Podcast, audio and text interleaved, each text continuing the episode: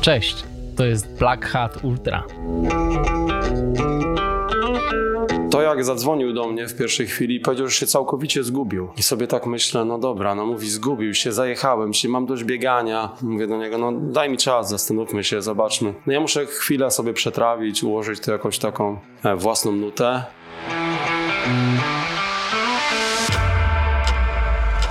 Bardzo jasno określał cel, co chciałby osiągnąć, nie?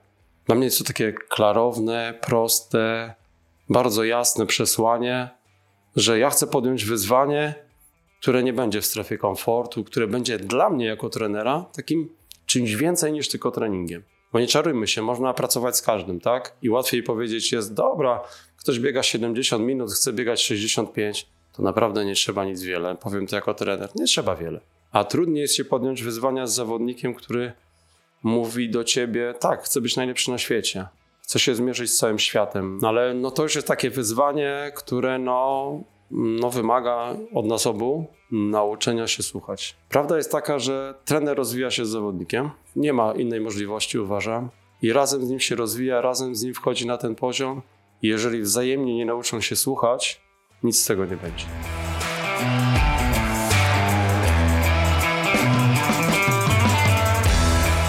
To był Andrzej Orłowski. Ja nazywam się Kamil Dąbkowski i witam Was w podcaście Black Hat Ultra. Przedstawiam tu historię niezwykłych osób, które prowadzone pasją i ambicją pokonują swoje fizyczne i mentalne słabości, aby się rozwijać, a tym samym motywować i inspirować innych do poszukiwania w sobie tych nieodkrytych i niezliczonych pokładów energii. Andrzej Orłowski jest trenerem mistrzów. Od zawsze miał takie ambicje. Działa głównie z młodzieżą we Wschowie w ramach klubu LLKS Osowa Sień. Andrzej jest również trenerem bardzo wszechstronnym, który pomaga rozwijać się nie tylko biegaczom, a jeśli biegaczom, to nie tylko płaskim. Spotkałem się z Andrzejem, bo chciałem poznać osobę, która stoi za sukcesami Bartka Przedwojewskiego. Współpracują razem od trzech lat i jak pokazuje ostatnia wygrana Bartka na Azorach, jest to para bardzo dobrze dopasowana. Nie zapominajmy również, że pod skrzydłami Andrzeja jest Marcin Rzeszutko. Andrzej opowiada o tym, jak przeżył występ Bartka i Marcina na Azorach, o tym, czym jest krakersowanie, o mistrzowskiej mentalności, o tym, jak powinny wyglądać proporcje pasji i życia, o pozytywnym nastawieniu, a od bardziej technicznej strony opowiada o treningu bazującym na kontroli kwasu mlekowego. Drodzy słuchacze, jeżeli podoba Wam się to, co robię, to gorąco namawiam do wsparcia podcastu finansowo na patronite.pl ukośnik Black Hat Ultra. Dokładny link znajdziecie w opisie odcinka. Andrzejowi pojawiają się łzy w oczach, jakiego zawodnik wchodzi na podium i wybrzmiewa nasz Mazurek Dąbrowskiego, a marzy o tym, żeby kiedyś jeden z jego zawodników wystartował na olimpiadzie. Uda się? Posłuchajcie.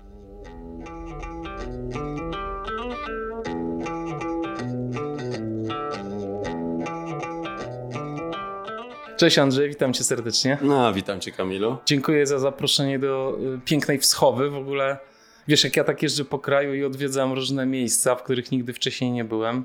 To jest dla mnie zawsze e, fajne doświadczenie znaleźć e, takie niezwykłe perełki. Opowiedziałaś mi niesamowitą historię, że Wschowa była trzecim co do wielkości e, miastem w Polsce w średniowieczu? Dokładnie tak. Wschowa, czyli Fraustadt z niemieckiego, czyli miasto pani.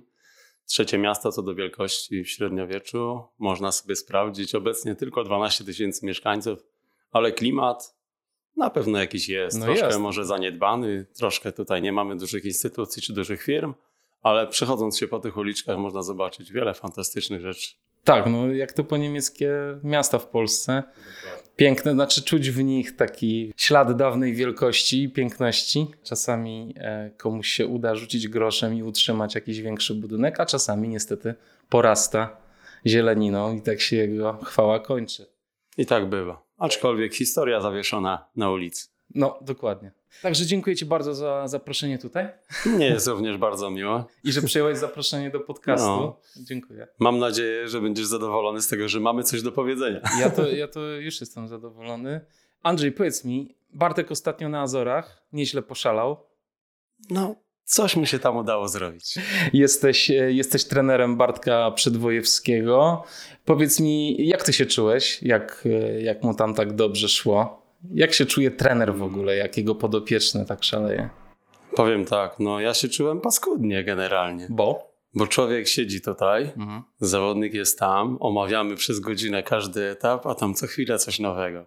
Co chwilę jakaś zmiana, pogoda nie taka, jakiej kiedykolwiek ktoś się spodziewał w tym miejscu. Tu nie widać, tu szaleją wiatry. E, wszystkie założenia, no tak można powiedzieć, zrealizowane w 100%. Aczkolwiek wiem, jaki był specyficzny rok, jak można było się, jak trudno było się przygotować, jak trudno było się mobilizować i motywować do tego, żeby cały czas zostawać w tej drodze do góry. E, nie ma co ukrywać, że Bartek był w wyższej formie wcześniej no, niż na Azorach. Kiedy? Może ktoś będzie zaskoczony, ale on doskonale wie kiedy. Aha. Ja też o tym mogę wspomnieć, że no, szykował się na tą zegamę. No i patrząc na wszystkie parametry, które oceniamy treningowo, no kończąc kwiecień, Bartek był w takiej formie, jakiej chyba nigdy nie widział siebie, ani ja go również nie widziałem. Także. A co do Azorów, no to mówię, no sami wiecie, jak jest przeżywać start zawodnika, który trwa kilka godzin, śledząc kropkę, będąc w tym czasie pracy, nie mogąc śledząc kropki, coś się stało, trak się zgubił. Nie, no nie oglądam tego więcej, no to jest jakiś koszmar, nie, no przecież na pewno coś mu się stało w tym momencie, no to jest jakaś, jakaś straszna historia, nie wiem, skręcił nogę, yy, coś, coś się wydarzyło, no ta kropka stoi w środku lasu, pewnie się wywrócił, nie wiem co się dzieje, nie, nie oglądam tego, wyłączam, przełączam na drugą stronę, mówię, no poczekam na jakieś wyniki, widzę zdjęcia, gdzieś tam na Instagramie przylatuje ten profil, no nie, no przecież biegnie, ale on dalej stoi, ale Jim się też zgubił. Okej, okay, jak się obaj zgubili, to na pewno biegną dalej. Nie no, śledzenie tych kropek to jest masakra, zwłaszcza na krótkim, szybkim dystansie. To się można zawału dostać. To jest bardzo się. trudne tak. i takie przeżywanie na zewnątrz, y, no to jest takie, no, taki wrak emocjonalny. Można powiedzieć, no trudniej czasami niż wykonać sam wysiłek, bo wysiłek nas nakręca, nie? Hormonalnie nakręca, a tutaj emocjonalnie człowiek jest zmęczony tym czekaniem, tym napięciem takim właśnie psychicznym, i dobieg, niedobieg, jest już czasy, wpadają, nie wpadają. Dobrze, że chociaż na tej stronie Salomona widzieliśmy te punkty, które się otwierały, można było śledzić. Kiedy wbiegł na dany sektor, to jest wszystko rozplanowane. Który sektor można pierwszy śledzić? No to była jedyna taka możliwość. Ale powiedziałeś coś takiego, że źle ci się oglądało te zawody, bo ciągle się coś zmieniało i e, rozumiem, że jakbyś był na miejscu, to byłoby ci łatwiej reagować na te zmiany, tak? No z pewnością, tym bardziej, że czasami e, zawsze można coś podpowiedzieć mhm. w trakcie, co się dzieje. No już sam wyjazd i sam prolog e, był kwestią opcjonalną. Wiedzieliśmy, że w związku z sytuacją być może będzie tak, że zawodnicy z czołówki rankingu, czy na podstawie punktów ITRA, czy jakiejś innej formuły, będą startowali w pierwszej fali, zrezygnuje się z tego pierwszego, jak gdyby prologu, krótkiego, te niecałe 3,5 kilometra rywalizacji. No ale wiadomo, no, to jest ten moment, który najłatwiej było i ogarnąć medialnie, i sprzedać jako taką zajawkę do tej całej imprezy. I rozumiem organizatorów, Grega, e, same Azory, że oni chcieli to pokazać z tej perspektywy. Nie? No i tu mieliśmy taką sytuację, kiedy no, wypada nam trzeci etap, na który wszyscy się czaili. Pojedziemy na Pico, będziemy wbiegać, biegniemy na 2200, tak? najwyższy szczyt Portugalii w sumie. No co się wydarzy? No wiedzieliśmy, że no, powiedzmy po długim, ciągłym pojawi się vertikal. Tak można było powiedzieć, bo tak trasa była skonstruowana. Trzeba było dobiec 20 km, żeby zaliczyć bardzo stromy vertikal, tak? 1000 bodajże 60 metrów na 3,5 km, no to całkiem zacnie. Obiec kawałek krateru i wrócić z powrotem ten sam zbieg. Kiedy wiedzieliśmy, że to są skały wulkaniczne, że gdzieś to są ostre dość kamyczki, że coś się może wydarzyć, ale wszyscy czekali. On miał być najdłuższym etapem w sumie całości. Naraz przychodzi zmiana połączymy elementy pierwszego, drugiego etapu, coś z tym stworzymy, tak? Czyli zostaniemy na tej jednej wyspie, no to już, a wiedzieliśmy jakie są warunki, że było mokro, że mocno wiało, że trzeba próbować coś zmienić. No i ostatni etap, który naraz ze względu też na bardzo silny wiatr, kiedy już mieliśmy go rozpracowany, wiedzieliśmy do którego momentu chcemy przytrzymać Jima, bo znaliśmy jego strategię, on powiedział to wprost. A później mieliśmy taką sekcję techniczną, gdzie wbiegniemy w burz, Będziemy przez 3 km lecieć takim elementem technicznym, który no, dla Bartka jest bardzo korzystny, nie da się ukryć. Jest bardzo sprawny na fajnym balansie. Dla nie. Dla Jima nie. Jim potrzebuje się rozpędzić, potrzebuje pewnego gruntu, ma duże zapasy prędkości, dużo większe niż Bartek. No Jim biega 13,48 piątkę. Trudno powiedzieć, że to nie jest jakiś zapas prędkości, nie? Już pomijając półmaraton, dychę i całą resztę, tak? No i w związku z tym no, cała ta taktyka no, troszkę legła w gruzach, bo się okazało, że jedziemy na 28 tam z groszem, a biegamy 4 km więcej. Pamiętajmy, że już 85 było w nogach. No, wydaje się nie dla nas, no mimo że etapowo, no ale to też jest taki paradoks do ultra właśnie, że etap powoduje troszkę większe wyjechanie, nie? i energetyczne, i psychiczne, i większą mobilizację. Przy ultra jesteśmy nastawieni, że mamy od razu setkę, a tu musimy się ścigać, tak każdy etap ścigać praktycznie do spodu, bez jakiegoś kunktatorstwa, bez krakersowania. Co to jest krakersowanie? E, krakersowanie? No. no to jest takie moje słynne powiedzenie krakersowanie, bo, bo uważam, że mamy zbyt dużo zawodników, którzy zamiast się zmierzyć ze słabością i uznać, że pewne rzeczy są wpisane w bieg, tłumaczą wszystko tłumaczą. Nie, bolała mnie głowa, włosy miałem za długie, kitka nie była taka. Nie wiem, no naprawdę paradoksy, koszulka mi nie pasowała. Możemy żartować, niebieski, czerwony, biały, jak to Bartek sobie żartował na temat koloru koszulek, ale tu wiemy, no nie, no bolał mnie brzuch, wywróciłem się, upadłem. No przecież biegnąc może się wydarzyć tak dużo rzeczy i musimy być tego świadomi. Upadnę, okej, okay, wstaję, biegnę dalej, nie? Także no ja osobiście nie uważam, że należy się tłumaczyć Jestem zły na to, że coś się wydarzyło, bo nie mogę wtedy zaprezentować pełni tego, na co zawodnik jest przygotowany, ale no przecież to jest to wpisane. To jest piękno sportu, nie? Jeden ma gorszy dzień, drugi lepszy, temu się coś wydarzyło, temu nie. nie oczywiście nikomu nie życzymy. Superowo jest wygrywać w momencie, kiedy rywalizujemy tylko z najlepszymi. To jest fantastyczne i do tego trzeba dążyć. Do tego trzeba dążyć, czyli nie można krakersować, tłumaczyć swoich porażek, bo porażka nas buduje, właśnie tak. Ale te czynniki zawsze są. One dla wszystkich są takie same. Ten kamień stał w tym samym miejscu, e, ciebie bolał brzeg dzisiaj, jego zaboli jutro. Mm, to może być naprawdę bardzo wiele czynników, bardzo szerokie spektrum tego, nie? I trzeba pamiętać, że jak podejmiemy rywalizację, my jako zawodnicy, my jako trenerzy nie ustalamy zasad. Zasady są przecież stricte określone z punktu A do punktu B po takiej takiej trasie, w takich i takich warunkach, które zdecydowała za nas natura. No i nie mamy co się tłumaczyć. No wiadomo, że tobie bardziej pasuje, że powiedz, bo będzie bardziej stromo. Tak jak powiedziałem, wspomniałem dzisiaj. Bartkowi bardziej pasowało, że będzie technicznie, Jimowi bardziej pasowało, że będzie bardziej otwarcie i szybko. Jesteśmy tego świadomi. Karty są położone na stole, one wszystkie są otwarte. Nie? Każdy z tych zawodników ma pewną specyfikę i specyfikację swoją, tego co lubi. Nie?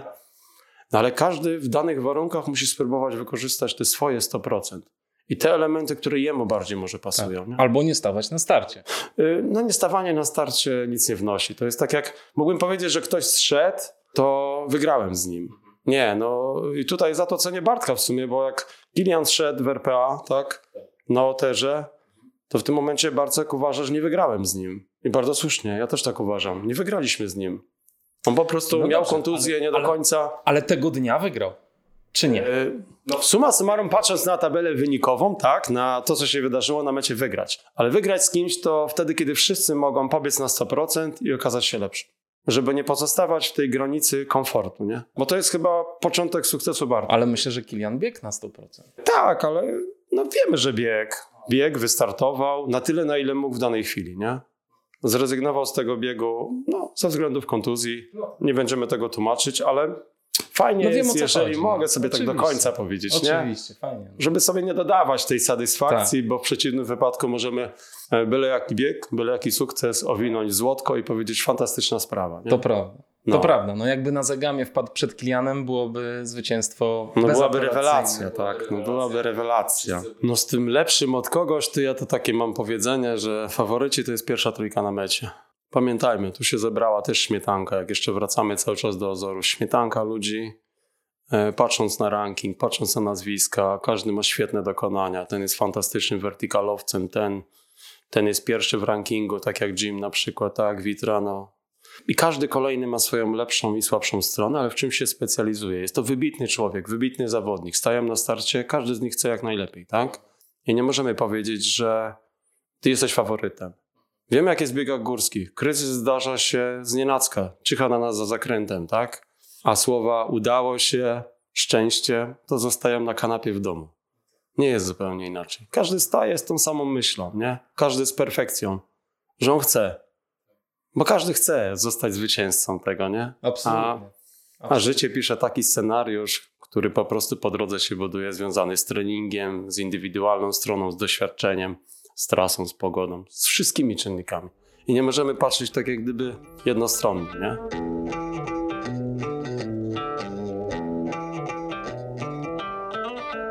No właśnie, cały ten e, proces przygotowania do takich biegów jest niesamowicie złożony i, i zależy od całej masy czynników, e, biorąc pod uwagę to, mm, jakimi ludźmi się rodzimy, jak się wychowujemy, prawda, jak trenujemy za młodo. Dokładnie. Na jakiej zasadzie ty dobierasz ludzi, z którymi chcesz pracować? Czym się kierujesz? Powiem ci tak, może zaskoczę, ale lubię lubić własnych zawodników. Bo to jest paradoks. Y, mam takie sytuacje nawet z młodymi zawodnikami, których wychowywałem, którzy dochodzili gdzieś do pierwszej klasy, do mistrzowskiej, jeździli na Mistrzostwa Świata, z którymi nie lubiłem pracować. Ze względów charakterologicznych, e, ze względu nie do końca, powiedzmy, takiej, takiego zaufania, jakie chciałbym, żeby się tworzyło, bo wraz z wiekiem, wiadomo, młody człowiek się rozwija, nie? Jeżeli chodzi o starszych zawodników, to powiem ci tak, no Mm, generalnie uważam, że fajnie, jeżeli to jest dla mnie wyzwanie. Coś takiego specyficznego. E, może być to. Jak, jak definiujesz wyzwanie? E, bardzo różnie. Aha. Czasem doświadczenie życiowe, że ktoś mi powiedział, że coś do biegania mnie zmusiło i chcę zrobić to i to. Nie wiem, to jest po prostu kwestia intuicyjna. W tym momencie mówię, dobra, spróbujemy to zrobić, nie? Z perspektywy wiadomo, jakiegoś takiego poziomu, czy jak Bartek, tak? To jak zadzwonił do mnie w pierwszej chwili powiedział, że się całkowicie zgubił. Że tak dużo sygnałów, bo pobiegłem całkiem fajny rok, osiągnąłem parę tam imprez, pokazałem się. Jestem na tyle ambitny, że chciałbym jeszcze więcej, nie? I sobie tak myślę, no dobra, no mówi, zgubił się, zajechałem się, mam dość biegania i tak dalej. Mówię do niego, no daj mi czas, zastanówmy się, zobaczmy. No ja muszę chwilę sobie przetrawić, ułożyć to jakąś taką e, własną nutę. Mówię, dobra, no i nie patrzyłem w kwestii tego nawet na poziom sportowy. Kiedy znam Bartka praktycznie od 15 roku życia, bo ścigał się z moimi chłopakami, których ja trenowałem, bardzo wielu, to była duża grupa chłopaków, z niektórymi mieszkał nawet w SMS-ie, będąc w Wrocławiu. No i gdzieś się tam obchodzili, lubili, spotykali i okej. Okay. Ale w takim momencie, kiedy zawodnik mówi, no dobra, zgubiłem się, ale bardzo jasno określał cel, co chciałby osiągnąć, nie? Dla mnie jest to takie klarowne, proste, bardzo jasne przesłanie, że ja chcę podjąć wyzwanie, które nie będzie w strefie komfortu, które będzie dla mnie jako trenera takim czymś więcej niż tylko treningiem. Bo nie czarujmy się, można pracować z każdym, tak? Można się reklamować jako trener, stworzyć sobie warunki i łatwiej powiedzieć jest, dobra, ktoś biega 70 minut, chce biegać 65, to naprawdę nie trzeba nic wiele. Powiem to jako trener, nie trzeba wiele, żeby on zrobił postęp. Trzeba przekazać mu pewną wiedzę, pewną umiejętności, pewną samokontrolę nad tym, co robi i tylko ukierunkować, żeby nie zaczął przesadzać, że codziennie będzie więcej szybciej.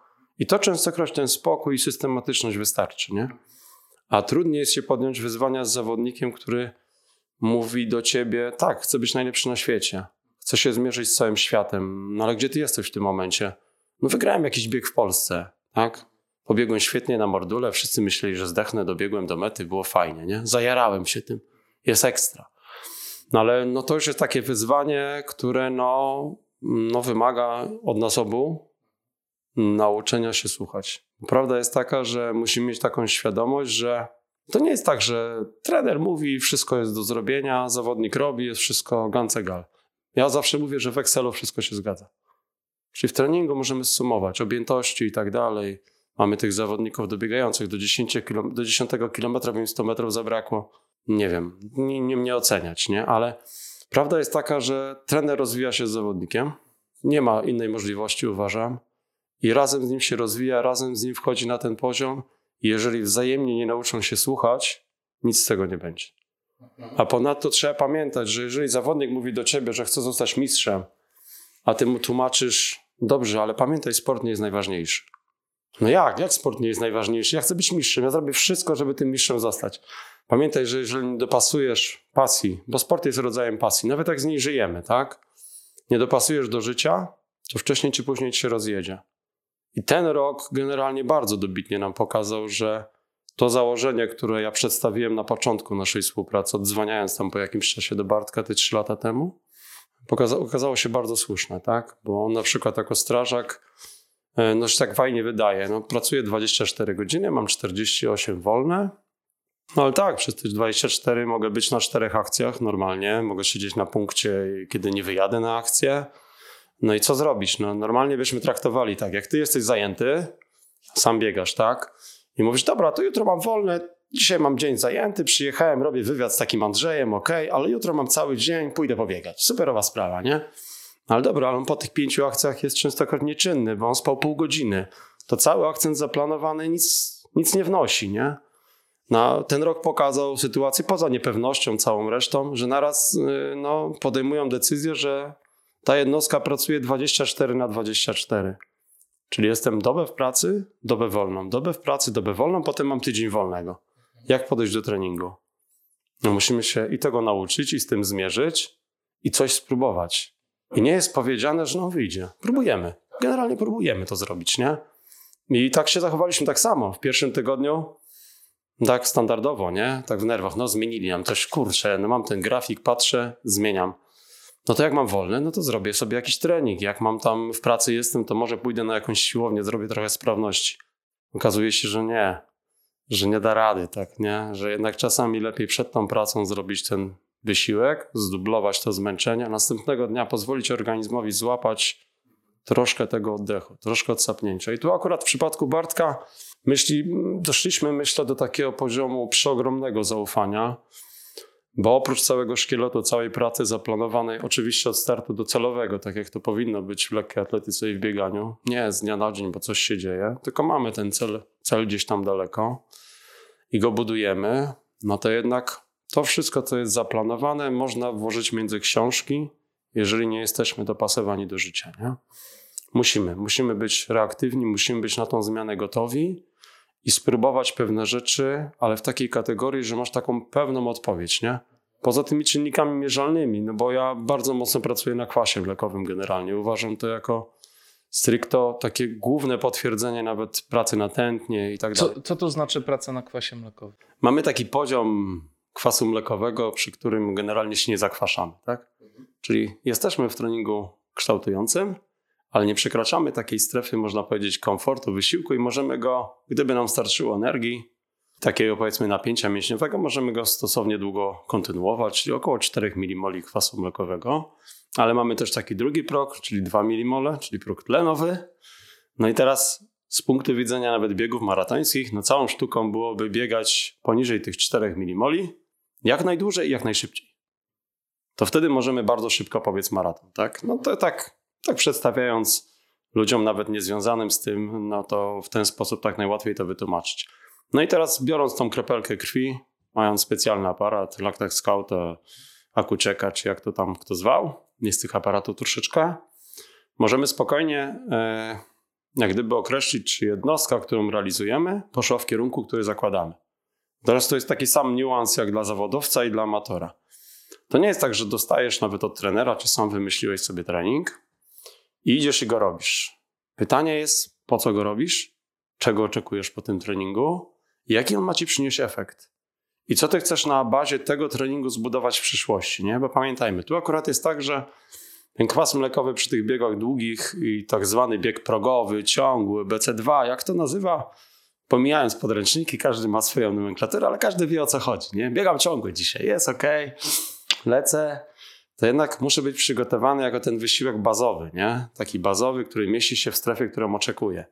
Wysiłek maksymalny też oczekuje jakiejś strefy, trzeci zakres i tak dalej. Nazewnictwo mamy różne, kwestie indywidualne też są tutaj istotne, nie? Nie każdy zawodnik tak samo się kwasi wysoko, bo te maksymalne poziomy, powiedzmy na poziomie 400 metrowców, 800 metrowców, 24 milimole, czy nawet wyżej. Oczywiście już wykraczające poza aparaturę standardową nawet pomiaru, no, świadczą o tym, że to jest taki wysoko kwasomlekowy, czyli taki, mm, można powiedzieć, w takiej strefie wysiłku między 30 sekund a 2 minuty, czyli taki maksymalnie trudny, nie? A tutaj mamy taki niuans, że w perspektywie nawet szkolenia do biegów górskich trzeba pamiętać, że trasa weryfikuje możliwości, bo bazując płasko, każdy z nas przebiegnie ten dystans, nie? I teraz musimy pamiętać, co zrobić, że wykraczając poza tą strefę kwasu, kiedy organizm się zakwasza, kiedy rośnie moje napięcie, no każdy miał kiedyś zakwasy, zrobił jakieś ćwiczenie nowe i miał zakwasy następnego dnia. No tak samo w bieganiu, tak? Niezależnie od zawodnika. Przefużyłem, następnego dnia cierpię, tak? No to co zrobić w treningu, kiedy mam, patrzę na trasę, mam pięć podbiegów, powiedzmy, mogą być to naprawdę krótkie ząbki, 50 metrów up, a pojawia się kłopot, bo ja chcę wrócić do strefy komfortu. Ja chcę wrócić poniżej tego. Wiadomo, że ten kwas mlekowy też spada wraz z przerwą, wraz z czasem. On się utylizuje po prostu wraz z czasem odpoczynku i tym wszystkim to się dzieje po wysiłku. I teraz patrząc na to globalnie, no to ci zawodnicy, którzy już tak troszeczkę trenują bardziej amatorsko, taki amator zawodowiec, bo wielu z nas takich jest, że chcemy to robić bardzo dobrze. Pytamy się, szukamy, czytamy, oczywiście rozwijamy. No to musimy też pamiętać, że za każdym razem wchodzimy i wracamy, nie? Czyli co mam zrobić, żeby, żeby wrócić w ten, cały czas w ten punkt komfortu i móc kontynuować wysiłek? Czyli muszę go mierzyć, muszę go mierzyć, muszę go kontrolować. Jeżeli ten amator robi w tej świadomości swoje badania, ma założone strefy, wiem, że w takiej strefie tętna pracuje, nie? Oczywiście kwas mlekowy jest takim tym wewnętrznym potwierdzeniem tego, co moje serduszko pokazało, bo częstokroć właśnie na poziomie takim bardzo wysokim, zwłaszcza w biegach górskich, kiedy sprawność, trening funkcjonalny, lokomocyjny ma dużo większe znaczenie niż to, co możemy zrobić w kwestii kilometrowej, do tego może później kiedyś wrócimy, no to musimy pamiętać, że mamy tak zwane zmęczenie mięśniowe. Nie jest to stwierdzenie książkowe, ja to sobie tak nazywam, może kolokwialnie nawet, może ktoś się z tym nie zgodzić, ma prawo, jakiś profesor na pewno. No i to zmęczenie fizjologiczne. Fizjologicznie mamy ten parametr, tętno powyżej tego pułapu, u mnie przy moim maksie jest takie, kwas mlekowy taki, wiem gdzie byłem, nie? Ale wykonałem trzy nowe ćwiczenia wcześniej na samej sprawności, bo ktoś mi dołożył, trener wymyślił, że takie będzie dziwne, albo ja sobie spróbowałem zrobić postęp w tym ćwiczeniu. I czuję, że jestem zmęczony, że moje mięśnie są jakieś ponaciągane, coś. Nie oznacza to, że ja jestem zmęczony fizjologicznie, tylko mięśniowe, moje więzadła, moje mięśnie, trochę naruszyłem strukturę, może mocno naciągnąłem, może na zbyt dużym napięciu, izotonicznie, izometrycznie, nie wiadomo jak pracowałem, nie? No i w tym momencie no mamy coś takiego, jak wychodzimy, no źle się czuję. Każdy z biegaczy to na pewno ma, nie? Ale rozkręciłem się, zrobiłem 2-3 kilometry, lecą nóżki. No pobiegły, nie? No fajnie. No i teraz y, z perspektywy właśnie tego poziomu mistrzowskiego, no to czy mamy więcej narzędzi kontroli, czy mamy te możliwości sprawdzenia, że jeżeli założyliśmy trzy odcinki biegane, na każdym biegaliśmy 20 minut, na przykład 600 metrów przewyższenia, no jest co robić, tak? Powiedzmy 20% na wyszłe średnio na takim odcinku i oczekujemy, patrzymy na tą reakcję kwasu, czy on nam rósł w każdym następnym, czy on nam spadał. Możemy sterować oczywiście przerwą, intensywnością rytmu, obciążeniem tego wysiłku, próbować biegać do jakiegoś zakresu tętna, tak? Żeby ten kwas dalej się utylizował, no to mamy taką odpowiedź, co zrobić, żeby nie zostać mistrzem pierwszego podbiegu, nie?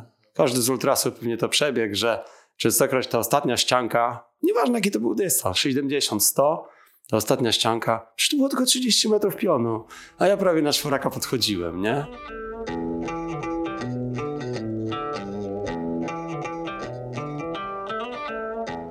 Ale jak to jest? Rzeczywiście twoi zawodnicy biegają i mierzą sobie kwas mlekowy podczas treningu? Dokładnie tak. Ten aparacik no, nie zajmuje dużo miejsca, że to jest malutkie ustrojstwo, gdzieś sobie tam w kieszonce w pasku schowany, tak jak w spodenkach mamy jakiś tam, mierzą sobie po takim odcinku, planujemy, że na tej jednostce tak. Pamiętajmy też, że jak znamy zawodnika i wysiłki są takie już regularne, wiemy, że mamy potwierdzenie pewnych takich wartości, to możemy go zrobić dość spokojnie, nie? Aczkolwiek czynniki zewnętrzne, choćby wiatr, e, błoto mogą zmienić założenia czasowe, nie? Bo łatwo wyjść na stadion i mamy tu porównanie. Stadion ma zawsze 400 metrów, możemy powiedzieć w prawą stronę, a nie w lewą, będzie ok, wszystko będzie pasowało, nie? Ale w górach góry uczą pokory, nie? I trasa uczy pokory i przewidywanie tego treningu na górach też uczy pokory, nie? Dlatego warto kontrolować. Czym częściej kontrolujemy, tym mamy więcej tych składowych do analizy, jak gdyby do odczytu. No i pamiętajmy, że no jednostki też się nakładają, nie? Oczekujemy, że na poziomie tego drugiego zakresu, tak zwanego ciągłego, następnego dnia będziemy go jakąś stronę przetwarzać, tak? Będziemy chcieli iść, albo stronę bardziej siłową, bardziej szybkościową. Teraz, no, co zrobić? No, co zrobić? Zawsze jest dylemat, co zrobić, nie? No. Jako niesamowite rzeczy opowiadasz. Myślę, że powinieneś założyć, słuchaj, podcast i opowiadać o swoich technikach. Nie, Kamilu, Nie? podcast tak jest. Dlaczego? Niech będzie taki, zostanie jak jest. Nie, nie, no znaczy, wiesz, generalnie teraz wszyscy zakładają podcasty. E, Każdy podcast służy czemu innemu. Ty byś założył świetny trenerski podcast, mógłbyś sobie tu usiąść i opowiadać. e, miło, że takie słowa słyszę. No, naprawdę. Masz świetny głos, jesteś O. mega ekspertem i No. myślę, że byś zainspirował, wiesz, znacznie więcej osób niż tych, którymi się opiekujesz. No być może, ale wiesz co? Kim czy ty lubisz mieć jednak bezpośredni kontakt ze swoimi... Prawda jest taka, że nie zawsze mam ten bezpośredni kontakt, tak? Ja mieszkam tu, Bartek mieszka ode mnie 120 km, tak? Tak, Spotykamy się. no ale znacie nie- się długo. Znamy się długo. Spotykamy się niejednokrotnie na jakichś konsultacjach dwóch, trzydniowych. Zdarza się, że Bartek wbija się do mnie, ustalamy gamę ćwiczeń. Ja mam trochę hopla na poziomie treningu funkcjonalnego i lokomocyjnego, nie? Mam taki zestaw około 300 ćwiczeń może. Wybieramy sobie z tego 100, 120, które realizujemy praktycznie. On sobie może pozwolić, gdzie w pracy gdzieś realizujemy. Gdzie treningi yy, te sprawnościowe no takie oparte trochę na asymetrii. Może to będzie zaskoczeniem, ale pamiętajmy o tym, jak każdy biegacz, trening, fajne ćwiczenie zobaczyłem, ale ono musi mieć dla mnie następstwo adaptacyjne. Czyli musi mieć jakieś utrudnienie, żeby ono po pewnym czasie mnie dalej rozwijało. Wykonanie, nie wiem, nawet y, głupich brzuszków, 20, no no potem no co mam zrobić? 30, 50, 100? Co mi to wnosi? I znowu wracamy do tego stricto pytania, czy zastanowiłem się, co ja chcę osiągnąć dzięki temu ćwiczeniu, tak? Jeżeli człowiek porusza się asymetrycznie, prawa z lewą, tak? No to tak musi funkcjonować. Nie jak Arnold Schwarzenegger, prawa z prawą, lewa z lewą. No i teraz mogę sobie utrudniać życie, tak? W dowolny sposób. Na każdym ćwiczeniu znajdę takie utrudnienie, które będzie asymetryczne. Które będzie mi pozwalało z perspektywy robienia na przykład zbiegu znaleźć balans. To, co jest najtrudniejsze. Musimy pamiętać, że poszukiwanie rytmu pod górkę i balansu z górki na dużej koordynacji jest chyba całym kluczem do tego, żeby być kompletnym biegaczem górskim. Bardzo proste stwierdzenie, ale bardzo trudne do zrobienia. Dlatego, że ciężko jest wypracować yy, nawet koordynacyjnie, nawet milionem ćwiczeń, yy, taką odrobinę szaleństwa, odrobinę odwagi. Ja to zawsze mówię, odrobinę syndromu motyla, czyli przeniesienie centymetra ciężara do przodu żeby organizm szedł tym rytmem z górki, nabierał określoną prędkość. Oczywiście nie leciał na wariata, bo to nic mi nie wniesie, ale na takiej zasadzie, że miałem świadomość, że to wszystko, co wykonałem, powoduje, że ja mam pewność, że niezależnie co się pojawi, kamień się przesunie. Ja chciałem go przeskoczyć, nie zauważyłem, co było za tym. No przecież lecę na określonej prędkości, tak? Ale mam tą świadomość, że wszystkie ćwiczenia oparte właśnie na tym balansie, na tym zaburzeniu asymetrycznym, na jakichś takich wytrąconych pozycjach spowodują, że ja spokojnie postawię nogę, zachwieję się, ale ta mobilizacja będzie na tyle duża. No ja stosuję takie porównanie, mm, tutaj sobie tak wtrącę taki kolokwializm w sumie, nie? ale jak biegniemy z góreczki, takiej może być łatwa góreczka zimą, jest ślisko i czekamy, że się wywrócimy, na pewno się wywrócimy. Dlaczego? Bo już biegniemy i jesteśmy spięci. Jesteśmy spięci, wiemy, że jest ślisko. Jeżeli zachowujemy jak najwięcej luzu, to w momencie, kiedy się pośliźniemy, mamy jeszcze możliwość spięcia niektórych mięśni po to, żeby dać sobie organizmowi jakąkolwiek szansę reakcji. Tu jest tak samo. I nie każdy zawodnik, nawet wykonując te miliony ćwiczeń, to co powiedziałem, ma taką odrobinę szaleństwa, taką odrobinę świadomości siebie i takiej wiary w siebie, że idąc tym rytmem pełnym, napędzając się, ja w każdej sytuacji pokonam ten szlak, ułożę się prawo, lewo, przeskoczę, zrobię, pośliznę się tym ze ślizgiem na trawersach, przytrzymam się z prawej, z lewej. Będzie fajnie, nie? No ale to zbieganie właśnie, o którym mówisz tak ładnie, ono chyba rzeczywiście jest najtrudniejsze i najbardziej wymagające od naszej psychiki. To, co mówisz o tym zaufaniu, Tak, dokładnie. prawda? Do siebie samego, że ty wiesz, że po prostu no, nie wyrżniesz za chwilę, jak się puścisz z tej górki. No to jest, wiesz, to jest taki wiele niuansów, bo my jak idziemy w góry, my sobie normalnie, to prawda jest taka, że y, śledząc na przykład wiele publikacji, to największa strata jest taka, kiedy wbiegamy na górę. To jest ten taki syndrom, który ja uczę biegaczy, że całego napierania. Cały czas w życiu trzeba napierać i być mocno skoncentrowanym, co wcale nie jest tak łatwo, nie? No bo teraz tak, jak wychodzę w góry, wiem, że jest ciężko, idę sobie na Kasprowy, jest ciężko, myślenickie turnie, o kurczę, teraz się zacznie, idę wyżej, wchodzę na Kasprowy, no jest pięknie, no ale patrzę jak odpocząć jak chwilę postać, żeby złapać oddech, bo serce było już ze mną na ramieniu, nie? No i tak wielu ludzi tak się zachowuje. Tych wielu biegaczy nawet na początku też. A z perspektywy rywalizacji, ja wbiegam na górę i teraz muszę zapierniczać. Ja muszę teraz zmienić inną formę pracy, inne mięśnie obciążyć, ale lecieć. Nie czekać na odpoczynek, mimo że jest z górki. Bo ja wiem, że moje tętno się ustabilizuje, ono spadnie. Tylko ja nie mogę czekać na to teraz, już. Mieć odrobinę takiej świadomości, że muszę się nakręcić i nie czekać na ten odpoczynek, ale być gotowym. Ale też to wytrenować trzeba. E, tak, wytrenować. Ale musisz też pamiętać, że na dużym tętnie i na dużym zmęczeniu koordynacja jest zaburzona. I to jest bardzo istotne, nie? I musimy być tego znowu świadomi. To jest takie, takie kilka słowo klucz, nie? Że jednak dojście do pewnej bariery, takiej komfortu, mm, nic mi nie daje. Bo wychodząc 10 razy na rozbieganie, e, nie jeden prezydent Stanów Zjednoczonych sobie biegał. Czy to znaczy, że jest biegaczem? Nie, jest joggingowcem. Biega dla przyjemności. Mógłby fajnie przebiec jakiś dystans, ale dochodzi do pewnego poziomu, który nie jest związany z treningiem, tylko z tym, że biega. Nie? Tak. To jest tak Czyli samo. ćwiczy, mogę, a nie trenuje. tak, mogę przebiec trasę, a mogę ją pobiec. Może taki wytrych słowo, coś takiego, nie? Ale prawda jest taka, że właśnie że dochodzimy do takiej innej rzeczy może, może trochę odbiegłem nawet tak dygresyjnie, ale tak mi się zdarza czasem, że fizycznie, treningowo największy problem to jest wygrać z sobą. Zawsze problem wygrać z sobą, nie?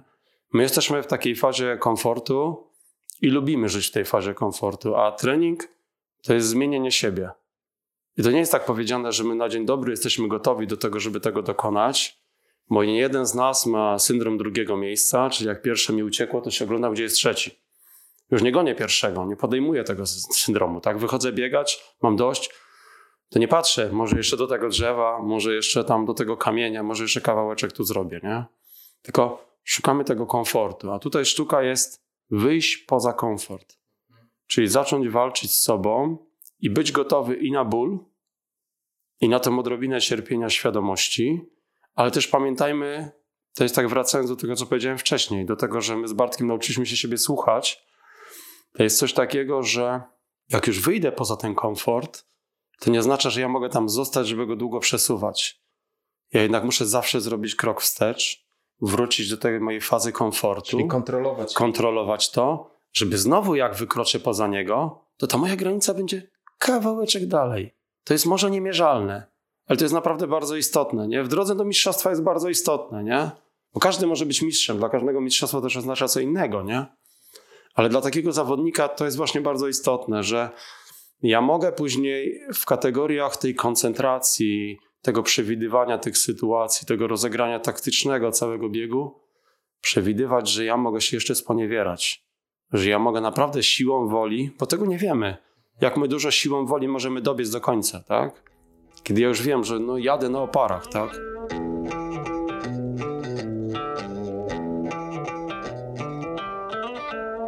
Tym kontekście te Azory były niezwykle trudne, bo tam to były cztery dni, cztery starty i Nawet Bartek, pięć. Nawet pięć i Bartek nie mógł y, y, właśnie pojechać w opór za wcześnie, prawda?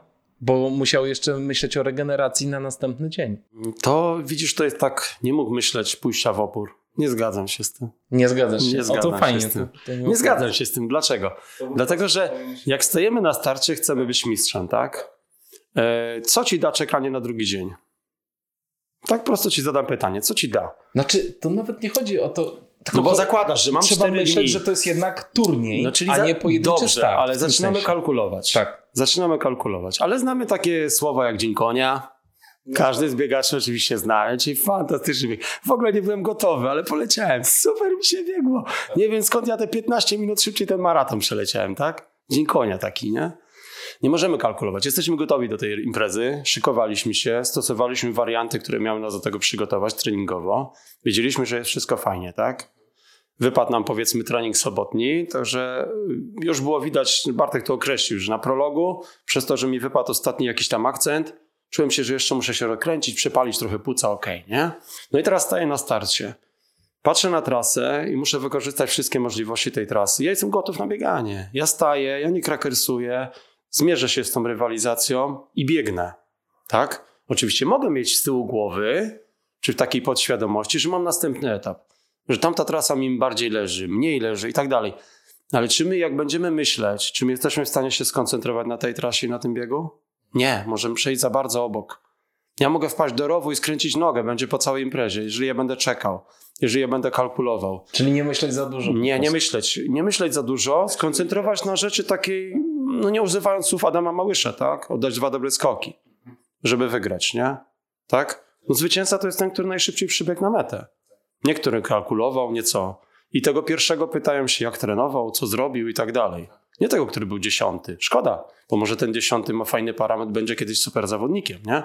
Ale tu jest tak, że wiesz, dlatego się nie zgodzę. Nie było takiej kalkulacji. Generalnie podchodziliśmy do każdego startu, że pierwszy start, to było jedno założenie takie. Pierwszy start nam troszkę otworzy taki moment, w którym będziemy wiedzieć, jak wyglądamy w tych warunkach na tle tak świetnych zawodników, nie?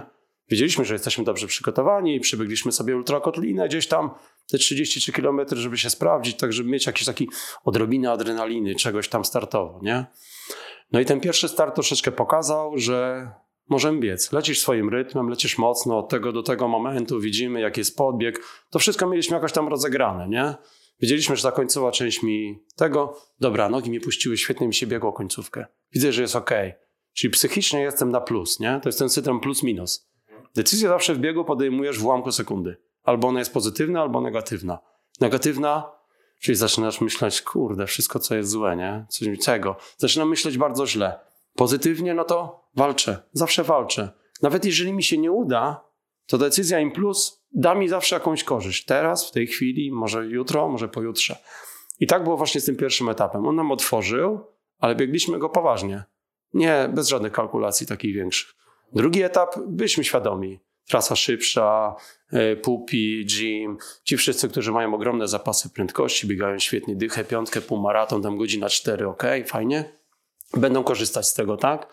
Ale my przecież biegniemy na tą górę, też potrafimy sprzedać sobie tam kilometra w takim biegu mm, na drugim etapie 2,56 najszybszy kilometr Bartka, Jima 2,52 mając 20 km w noga już 1000 upu, nie? Też świadczą o możliwościach takich biegowych, nie?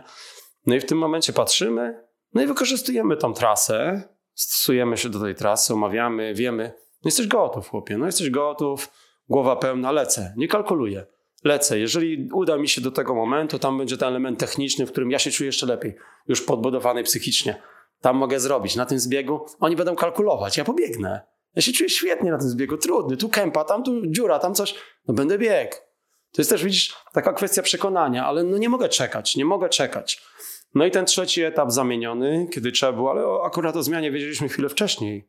I znając te elementy tych dwóch tras, też wiedzieliśmy, jak się odbędzie, nie? Że jak muszę pobiec, żeby coś się wydarzyło, żebym ja nie pozostawił niczego przypadkowi, nie? Bo to zależy od nas. Jeżeli będę kalkulował, to pozostawiam przypadkowi, tak? Nie znam taktyki innych zawodników. A może ktoś dwa, trzy dni się czarował, po to, żeby mnie czwartego sprawdzić, pójdzie mi na full, a on jest świetny, mocny, tak? Nie wiem tego. Dlatego nie mogę się zajmować tym. E, no oczywiście, ja jako trener mogę się zajmować tym, co robi Kilian, tym, co robi Jim, tak? Ale ja tego dnia, ja jestem Bartkiem, ja jestem Marcinem, ja jestem kimś, muszę stanąć na starcie. Byłem przygotowany, wykorzystać wszystkie swoje możliwości, skoncentrować się na tej trasie, w którym momencie co zrobić, do którego momentu, kiedy wziąć żel, kiedy się napić i tak dalej. Oczywiście to się może troszeczkę rozminąć, bo coś się wydarzy, ale ja muszę być sfokusowany, skoncentrowany na tym i nie mogę kalkulować. Dlatego e, nie było kalkulacji takiej stricto. Ostatni dzień był taki, że już wiedzieliśmy, że jest ciężko, wszystkim jest ciężko. To zawsze można ocenić po, no, po śnie. To bardzo łatwy jest taki czynnik, który, czy ta drzemka wejdzie, czy nie wejdzie, czy jest sen, czy ja mogę jeść czy mi się nie chce jeść, a wiem, że ta podaż kaloryczna to jest akurat Bartka problemem, że muszę uzupełniać kalorie, jest trudna, no to w tym momencie właśnie wiedzieliśmy, że ten czwarty etap będzie najtrudniejszy. Jeszcze ta zmiana, mm, nie byłem zadowolony, że jest cztery więcej. No bo Bartek nie jest takim stricto ultrasem, specjalizuje się w tych biegach powiedzmy no maksymalnie tam do tych 50 kilometrów. I ten trening też jest tak skonstruowany. Nie? On nie biega powyżej 160 km tygodniowo, tak jak maratończycy 200, 220, 240. To nie on, nie? tak jak gym. Powiedzmy, gdzie tych kilometrów jest przeogromna ilość. No wiedzieliśmy, że to predysponuje, no tak z perspektywy nawet znoszenia tego wysiłku, nie? bo ktoś, kto przebiegł kilka ultra, 15 godzin wysiłku na świetnym poziomie, 80 w fantastycznym czasie, tak, bijąc tam te rekordy, powiedzmy, on będzie predysponowany do tego, żeby mu się łatwiej to było znosiło, nie? Jest bardziej przygotowany na to cierpienie, na to już ten ból w nogach, to wszystko, nie?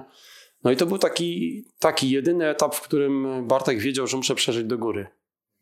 Nie? Niezależnie od tej zmiany. Te 4 kilometry można powiedzieć niewiele, ale to jest 15 minut więcej biegania, nie? To może być dużo. Jak zabraknie nam na 15 minut, to wszyscy, którzy biegamy po górach, wiemy, że ja mogę stracić nawet 10 minut. Bo ja już jestem wypruty, nie mam nic, nie? Nic się nie wydarzy. Także jak wytrzymać do góry, żeby potem biec? I też ja ci powiem tak, e, znając Bartka, no to ja tak zrobiłem. Złapałem się za głowę, widząc pierwsze zdjęcie. Czyli nie pamiętam, 6-8 kilometr, taki filmik, gdzie jeszcze bieg z Jimem, razem, patrząc na reakcję organizmu i na twarz, mówię, walcz. No nie każdy to widzi, bo wszyscy się ekscytujemy, nie? Ale no mój osąd jest trochę inny, nie? A mówię, walczy. Widziałem po twarzy, po gestach, po, po swobodzie ruchu, że jest ciężko. Że on już teraz podjął walkę, nie? I ty jako trener siedzisz z drugiej strony, mówisz, no ja pierniczę 25 km do mety, a on na ósmym walczy. Co się będzie działo? No i tak wiesz, i śledzisz. No pojawiają się nerwy, włosy stają na rękach. Nie, nie możesz nic pomóc. To jest taka bezradność, nie? To jest taka bezradność rodzica, czegoś trenera. Tak, no chciał być, no co możesz zrobić? Bić brawo, pomodlić się? No, no to ciężko coś, nie? Wszystko zostało wypracowane. No i, no i no, udało się wbiec na górę. Jim zaatakował na końcu, ucieka, nie? Wszystko super, ucieka. No ma nawet dwie minuty przewagi w pewnym momencie no pojawia się taki segment bardziej techniczny i widzimy, Bartek dochodzi do 35 sekund, nie? No ale i sobie tak myślę, będzie go gonił, nie będzie gonił. To, to burza myśli, u mnie też takich, nie? Jak on podejmie decyzję, nie? Wiedząc jego, że ma taki wachlarz i wie, że to jest jego mocniejsza strona, jest go w stanie na tych technicznych elementach złapać, mówię, no co zrobi? Hmm, no nie wiem, no nie będzie ryzykował, żeby go dogonić. Mówi, będzie szedł swoim rytmem do końca, i to wynika z tego rytmu. Jak już znasz zawodnika, wiesz, było dwie minuty, odrabiał. Trudniejszy moment był, jeżeli znałeś trasę, patrzyłeś, odrabiał tylko dlatego, że leciał swoje. Był zmęczony. Nie zerował się, bo fizycznie nie wiesz, co możesz zrobić na końcu. I to jest jedyny moment, w którym kalkulowałeś, ale to był ostatni etap. I byłeś w takim momencie, że już jest koniec, że widziałem, że jest mu ciężko. A ta kalkulacja nie wyglądała z tego nawet, że ja już coś mogę tylko pilnować straty, czegoś, nie? Bo oczywiście jestem świadom, mam w podświadomości, że mam 9 minut zapasu, ile mogę stracić, nie? 9 minut dużo? No może i dużo, ale jak weźmiemy na te maratony typu Zegama i tak dalej, to 9 minut to dzieli pierwszego od szóstego czasami. To nie jest wcale jakiś kosmos. Każdy, kto biega po górach, to, to wie, nie? Na stadionie są czasami niuanse, tak? Setne, dziesiąte, nawet tysięczne sekundy obecnie. A tutaj można to stracić bardzo szybko, nie? I tutaj to może taka jedyna kalkulacja, ale nie wykonająca z myślenia o tym, że on mi za daleko uciekł, czy ja będę tylko kontrolował, tylko że ja lecę swoje i tam, gdzie będą te trudniejsze elementy, ja odrobię, to strata będzie się gdzieś tam utrzymywała na jakimś znaczy, poziomie. Normalna, tak, taktyka taka, biegu. Taktyka biegu, dokładnie. Tak. Nie? Ale widzisz, dlatego nie zgadzam się z tego, że na dzień dobry kalkulujesz, mhm. tylko do każdego startu pochodzisz poważnie i traktujesz go praktycznie jako jeden osobny bieg. Bo jeżeli tylko będę myślał o jutrze, no to dzisiaj mogę popełnić błąd. Nie, w sensie nie, wiesz, no ja no. pomyślałem o tym, że, że troszeczkę może myśleliście o tym bardziej jak o, o serii biegów jednak, ale widzę, że nie. I... Nie, bo okay. to było testowane wcześniej, wiesz, to było testowane, tak? Był lądek, były elementy treningowe, które były w ten sposób realizowane, mhm. do których się przyzwyczaił, które no, po prostu nie były zawsze w komforcie, tak? E, Bartek jest mistrzem takiego podejścia i tu trzeba dać go ogromnym szacunkiem na to, że potrafi zaufać i potrafi wejść w taki etap, że mogę dość długo w tym dyskomforcie funkcjonować, nie? I nie boję się wyjść z niego, nie? Tylko, że jest, jest bardzo świadomym zawodnikiem i, i zadaje mi osobiście czasami jako trenerowi też pytania, ale ja też no, się nauczyłem tak z nim współpracy, że e, prezentując mu dany wariant, na przykład nawet realizacji na bieżni mechanicznej, bo wiadomo, że korzystamy my akurat z tego dużo, czy dany etap w górach, mm, e, tłumaczę mu, co ma mu to dać, w którym elemencie będzie to istotne i jakie będzie przetworzenie z tego elementu. Czyli po prostu, po co, po co masz biegać 50 metrów pod górę tyłem? Ja na przykład robię takie rzeczy, nie? Albo zbiegam tyłem. Ale zwróć uwagę, jakie mamy inne czucie. Ja to zawsze mówię tak na, taki, na takim prostym przykładzie. Robisz sobie przebieżkę, jakokolwiek by nie była, zamknij oczy, wiesz, że to jest murawa. Jeżeli ktoś cię zaobserwuje z boku, popatrzy jaka rusałka. On pięknie technicznie biega wysoko. Wcale nie biegam tak fantastycznie, tylko się boję, bo nie wiem, gdzie nogę postawić, nie? Rośnie nasza świadomość. Czyli te bodźce stereotypowe, przebieganie miliona kilometrów nie są jedynym kluczem do sukcesu, ale otworzenie się na czym szerszą gamę, na skitury, na narciarstwo biegowe, na, nie wiem, na pływanie, na rower, na to wszystko, co nas buduje dookoła.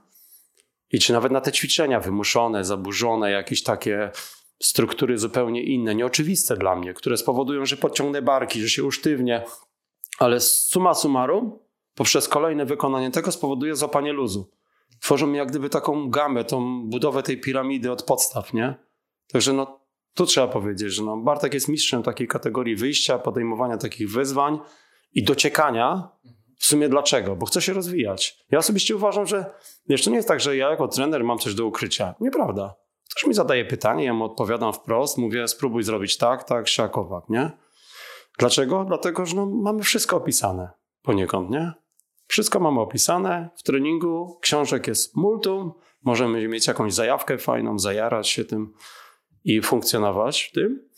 A prawda jest taka, że mm, to zawodnik tworzy ten trening, nie?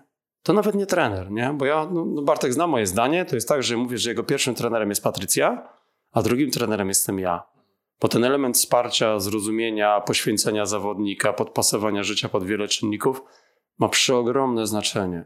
I może tego nie doceniamy, nie? I tak samo jak mówię, że dopasowujemy do życia, żeby nie robić czegoś na siłę, bo jeżeli ty zaplanowałeś, że pójdziesz na trening, bo trener mi kazał zrobić, no ale ja, no nie wiem, no ile razy jest tak, że Bartek, no zadzwoni trenerze, nie damy rady dzisiaj. Potrzebuję, potrzebuję luzu, potrzebuję odpocząć. No nie jest dla mnie komfortowa sytuacja, bo to jest jakaś praca niewykonana, powiedzmy, nie z mojej perspektywy. Ale z perspektywy czysto ludzkiej, kiedy już masz zaufanie do tej osoby, to on nigdy by do mnie nie zadzwonił powiedzieć, jak uczeń w szkole, że nie zrobiłem zadania, on ma jakieś wytłumaczenie, nie? Banalne oczywiście, to jest jakieś kłamstwo takie, nie? Naciągana rzeczywistość. Nie.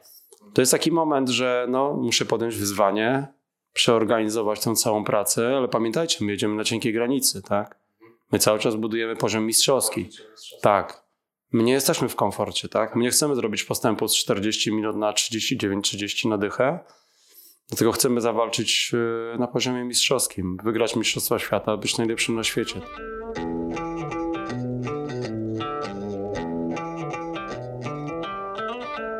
Andrzej, w ogóle to jest e, niesamowite, bo e, ty przede wszystkim bardzo dużo szkolisz młodzieży na bieżni. Nie wcale nie w górach, tylko na płaskich dystansach i krótkich dystansach. No bywa różnie. Ja ci powiem, bywa że różnie? powiem ci w ogóle parę paradoksów. Bo jak zawsze uważam, że trener rozwija się z zawodnikiem, no to ja zajmuję się 26 lat lekką atletyką, jestem z wykształcenia trenerem, tak? Zrobiłem dwójkę, tak, instruktora, drugą klasę, e, zrobiłem masażystę, zrobiłem instruktora ćwiczeń siłowych i kulturystyki, tylko po to, żeby się rozwijać. Nie korzystam z tego. W ogóle nie używam tego w mojej pracy jako takiej. Nigdy nie masowałem nikogo za pieniądze i tak dalej, nie miałem gabinetu, nie jestem trenerem personalnym, ale moja wiedza dzięki temu i rozwojowi kolejnych zawodników jest przeogromna, tak? Zrobiłem jedynkę i tak dalej i tak mi starczy, nie? Ale do czego zmierzam? Chodzi o to, że na przykład wychowałem skoczka wzwyż, mistrza Polski U23, skakał 2,19. Dlaczego? Nie znam się na skoku wzwyż, ale było to kolejne wyzwanie i można się czegoś fajnego nauczyć. Poznajesz trening, rozwijasz się z tą osobą, tak? Yy, srebrny medal w oszczepie, w młodzieżówce, tak? No chłopak rzuca 70 metrów, nie znam się na tym, ale przez 6, 7, 8 lat uczysz się. Uczysz się, patrz jak to poszerza twój horyzont. To są inne ćwiczenia, to są inne bodźce. Nie ma tak, że ja jestem dobrym trenerem, bo nie jestem z pewnością. Mam wiele braków, tak? Staram się rozwijać te braki i częstokroć może jest tak, że mój system pasuje danemu zawodnikowi. Bo też tak może być, nie? Albo nawet powiedzę gorzej, suma błędów trenera może decydować o sukcesie zawodnika. Paradoks. Ale może być tak, jeżeli chcemy się rozwijać, to właśnie Dlaczego nie? Dlaczego nie spróbować czegoś w takiej kategorii wyzwań? No i tak funkcjonowałem. Na przykład tego skoczka wychowałem bez zeskoku do dwóch metrów. Tylko z treningu motorycznego. Jak można skakać bez skakania? No można ogólnorozwojówką próbować zostawać po zawodach, żeby sobie poskakać, bo w domu nie masz zeskoku. Nie masz stadionu, nie masz niczego, nie? No ja pracuję z dzieciakami i generalnie daje mi to dużą frajdę. W ogóle jestem nauczycielem, także pracuję w szkole. Czyli w mojej szkole nie bardzo mogę się zajmować lekką atletyką, bo nikomu na tym nie zależy i nie ma warunków. No ale pracuję też w przedszkolu na przykład, nie? Gdzie jestem panem naleśnikiem, bo się świetnie z dziećmi bawię. To jest moja drugi taki syndrom inny niż ten taki matematyczny, ułożony jako trener, nie? Ale to też powoduje, że się cały czas rozwijamy, nie? Prowadzę zawodników i mogę ci podać wiele przykładów tych, którzy przychodzili w wieku lat 13-14, z których nie jeden by powiedział, ja pierniczę, to nawet dziewczyna szybciej od ciebie biega i to dużo młodsza, nie? Przychodzi chłopak, który powiedzmy ma 15 lat i on mówi, biegam 4,10 na kilometr i chcę być dobry. Hmm, no i w pierwszej chwili na co myślisz? No nie powiesz mu tego, nie? Ale ja nie jestem cudotwórcą, nie? Bo nie wiesz, jaki on ma bagaż. Patrzysz na niego, już go oceniłeś w pewien sposób, podświadomie. Bo ja nie, nie staram się świadomie oceniać, daję każdemu szansę po prostu spróbować, nie? No i podejmuję z tym chłopcem na 4-10 wyzwanie. Pierwszy rok, coś się tam dzieje, drugi rok. No okej, okay, trzeci rok, dobra, pojechał na Mistrzostwa Polski, super. Ostatni, nie, przedostatni, dobra, nie ma znaczenia, nie? Ale dalej chce trenować, nie poddał się, nie? Obecnie trudne trochę z młodymi. Mówię, czwarty rok, no dobra, siódmy na Mistrzostwach Polski, nie? Piąty rok, kurde, wygrywa 3000 metrów z przeszkodami, leci ostatnie koło w 60 sekund. Biega 9,06 bariery. I jakbym powiedział, że po pięciu latach chłopak, który przyszedł 4,10 będzie zakładał ostatnie koło z przeszkodami i rowem na poziomie 2,30, nie, no ty Andrzej, ty jesteś nienormalny. No jak można zrobić, nie? To co zadecydowało? Jego, jego podejście do treningu, też jego systematyczność, czy wasze wspólne dogadanie się? Co twoim zdaniem jest kluczowe w takiej sytuacji? Powiem ci, że z młodymi to jest trochę inaczej niż ze starymi, z dorosłymi, nie? Dlatego, że młodzi obdarzają ci pewnym zaufaniem od razu, jeżeli chcą to pracować. Teraz jest kwestia takiej pewnej systematyczności i spokoju w treningu, nie? Bo musimy pamiętać, że każdy ma swój rytm rozwojowy, nie? Oczywiście ja też teraz mogę tak się wypowiadać, ale powiedziałbym, że 25 lat temu trenowałem trzy razy mocniej niż teraz. Jako trener. No, biję się w pierś, mogę powiedzieć sorry, winę tu, ale to zgodnie z tym stwierdzeniem. Nie wiesz, co dany człowiek, a nie miałeś takiego bagażu. To jest praca z czynnikiem ludzkim, nie? Nieprzewidywalnym, z różnymi nastrojami, z różnymi sytuacjami domowymi, nawet wśród tych dzieci, nie? I teraz budujesz pewne zaufanie i cały czas rozwijasz tego zawodnika. Ja uważam, że no, no sukces to nie jest kwestia celu, nie? To jest kwestia efektu. Twoim celem jest zrobienie postępu. To jest główny cel. I czym więcej ilości stref zrobisz postęp, tym możesz być lepszym zawodnikiem, nie? I tu jeżeli takie dziecko przychodzi, ono pracuje, ono się wkręca, ono jest zajarane, robi ten trening, tak? No to w tym momencie widzisz, jak się rozwija, ono czerpie z tego satysfakcję, tak? Może na razie jest słabe, wszyscy mnie leją, przegrywam, okej, okay. ale ja chcę być dobry. Mam troszkę tej energii takiej pozytywnej, tego zacięcia. Ale to jest taka motywacja, która płynie z, z wewnątrz? Myślę, tego... że bardziej z wewnątrz, nie? Bo my mhm. możemy trochę ukierunkować, mm, ale sam wiesz, że z niewolnika nie ma pracownika. Ja mam też taki sygnał, że generalnie ci sami najzdolniejsi, zwłaszcza w tych młodszych kategoriach, 14-15 lat, gdzieś w tych kategorii młodzika, oni rzadko dochodzili gdzieś daleko. Dlatego, że im wszystko łatwo przychodziło, nie trzeba było podejmować pracy. Tak, podam Ci bardziej skrajny przykład. Mam tutaj w roczniku Bartka, to jest nasz jego fajny kolega, Piotrek, który przyszedł do mnie po szóstej klasie.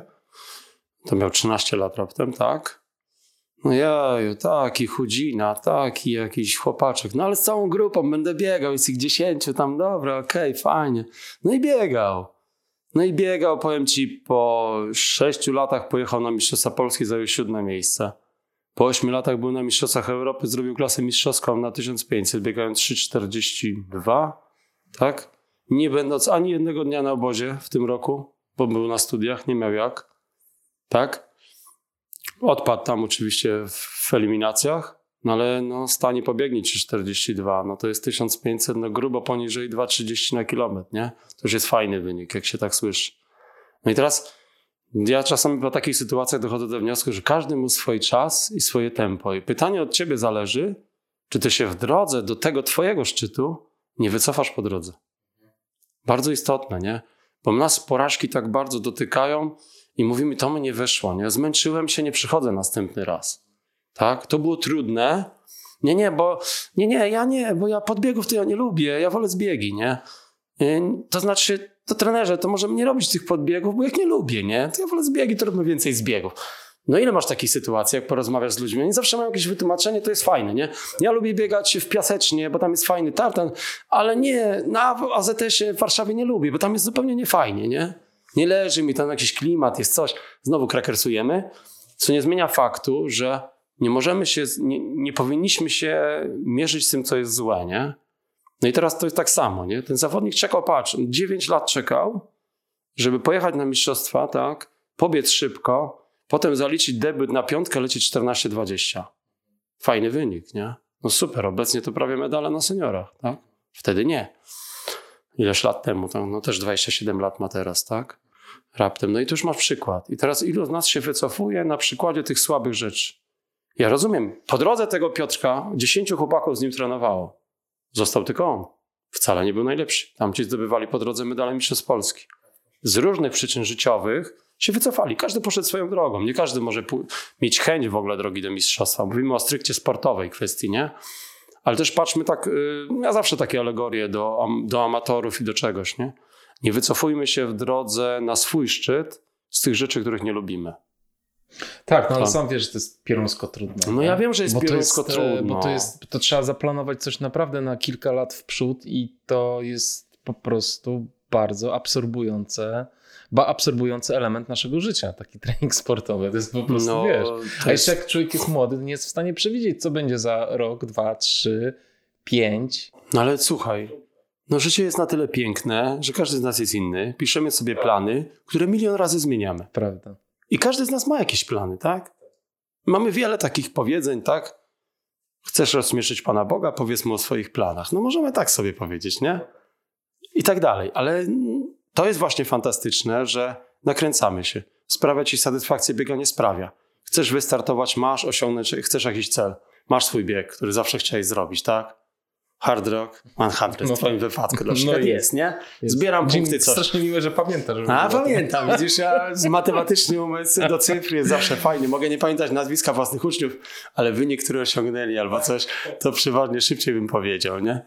To w ten sposób. No to i teraz nakręca mnie to, ale przecież wiele rzeczy może się po drodze zdarzyć. Ja muszę być tego świadomy.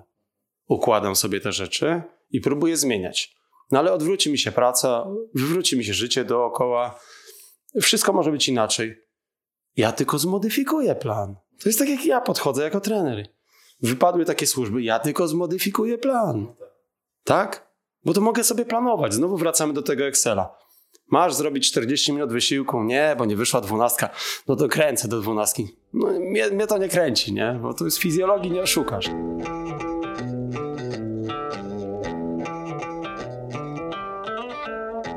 Powiedz, jesteś, miałeś taką sytuację, że zawodnik, znaczy na pewno miałeś taką sytuację, że zawodnik ci mówi na przykład, że o Jezu, no po prostu, no już mi się nie chce, no chyba to nie jest dla mnie, no coś tam. Masz jakiś zestaw swoich technik motywacyjnych, A. którymi chcesz przywrócić kogoś do, do tego sportu? E, powiem ci tak, e, najpierw odpowiem od drugiej strony może na to pytanie. Zadaj pytanie zawodnikowi takiemu nawet prawie powiedzmy amatoro-zawodowemu, taki Bartek, czy codziennie chce mu się wyjść na trening? No myślę, że spokojnie by ci powiedział, że na 365 dni w roku to 300 mu się nie chce. No na pewno, nie, oczywiście, że tak. Ale ma jakąś jedną świadomość celu, takiego daleko do osiągnięcia i wie, że to jest taka układanka, którą trzeba złożyć z bardzo małych elementów. Ja nie jestem szarlatanem, nie jestem czarownikiem, dlatego y, ja to tak określam szczerze, niekoniecznie miło przedstawiasz, jak już znasz parę lat tą osobę, to nie jest może dla mnie. Na z czego wynika to twoje takie stwierdzenie? Bo ci co nie wyszło raz, a ile razy ci wyszło? Ile dzięki temu zyskałeś? Ile razy zmieniłeś siebie? Czy nauczyło cię to tego, tego, tego? Myślę, że y, zawsze możemy obciążać siebie rzeczami złymi. I my tak jesteśmy, trochę Polacy też tak jesteśmy skonstruowani, nie? Możemy narzekać na milion rzeczy, ale teraz zwrócić uwagę, jakie ja mam fajne życie. Mogę narzekać, że dobra, mieszkam na 56 metrach, super, chciałbym mieć 100. No oczywiście fajnie, chciałbym mieć. No super, jest okej, okay, świetnie, ale cieszę się. Mam gdzie mieszkać, dom jest moją ostoją, jest fantastycznie. Przychodzę. nie pada. Dokładnie, jest mhm. super, nie? Mhm. Nie jest to minimalizm, maksymalizm, to bez znaczenia w tych kategoriach, nie? Lepiej pokazać te pozytywne rzeczy, i jak gdyby starać się, może nie za wszelką cenę utrzymać, bo być może to nie jest jego droga. Też trzeba o tym pamiętać, nie? Bieganie nie jest dla każdego. Może powinien kolorarstwo uprawiać, wyślarstwo, pływać, coś innego robić, nie? Ale pokazujesz mu taką perspektywę pozytywną. I to mi się wydaje takim kluczem do tego, że on zostaje czy nie, nie? O ile już, jeżeli już jest w pracy, nie? Bo to mówię trochę inaczej z młodymi, którzy zaczynają, bo nie chcieliby być dobrzy, nie chcieliby pracować. No nie da się, nie? No taki wiesz, ja to tak określam obecnie, taki syndrom 25+, plus, takiej pełnej świadomości, że ja chcę siebie zmienić, podjąć wyzwanie, chcę zostać sportowcem trochę, nie? Tak zmierzyć się, pobiegać naprawdę, być kimś, tak, nie wiem, być jakimś klianem, kimś tam więcej, nie? To być może tak bardziej, nie? Ciężko jest tak, wiesz, psychologicznie zadziałać, żebyś kogoś przekonał do momentu, w którym też mu się już jakiś czas zbierało coś, że to nie jest dla niego, bo to jest pewien rodzaj oszustwa, nie? Wiesz, każdy ma inny, inne tempo rozwoju, tak? Ja trenuję z nimi, oni już są tam, ja jestem tu. Ale ten przykład tego Piotrka, tak, który ci pokazałem, że 9 lat musiał czekać, żeby do czegoś dojść, kiedy było wiele porażek po drodze, i on został. Bo on był przekonany do tego, że on jest. Nie wiem, czy to jest na zasadzie uwierzył, czy na zasadzie, że ten postęp, który wykonywał, jemu wystarczał w takiej jego świadomości, że ja się rozwijam. Był na tyle satysfakcjonujący, nie?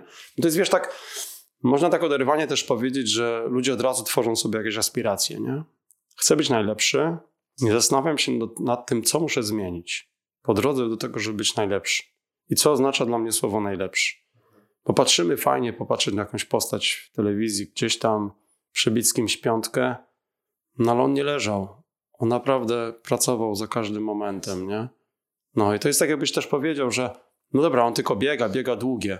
To dlaczego on ma biegać tylko długie? Dlaczego ma nie wchodzić na stadion? Dlaczego ma nie realizować no tak stricto nawet fizjologicznie, no możemy tak, wiesz, naukowo bardziej jako trenerzy też tak podchodzimy.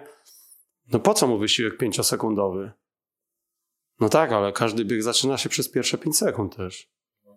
To korzystając z tego, z tej takiej powiedzmy tych pierwszych źródeł energii, tego fosfagenu, glikolizy, czegoś, jeżeli na wszystkich polach będziemy pracować, on będzie, nie jest mu to potrzebne z perspektywy 4 godzin wysiłku, ale tworzy mu taką bazę energetyczną, tak? Tworzy coś, co da mu szansę, że będzie lepszy. Czym na wielu polach będziesz dobry, to się może złoży, że w tej jednej swojej rzeczy będziesz najlepszy.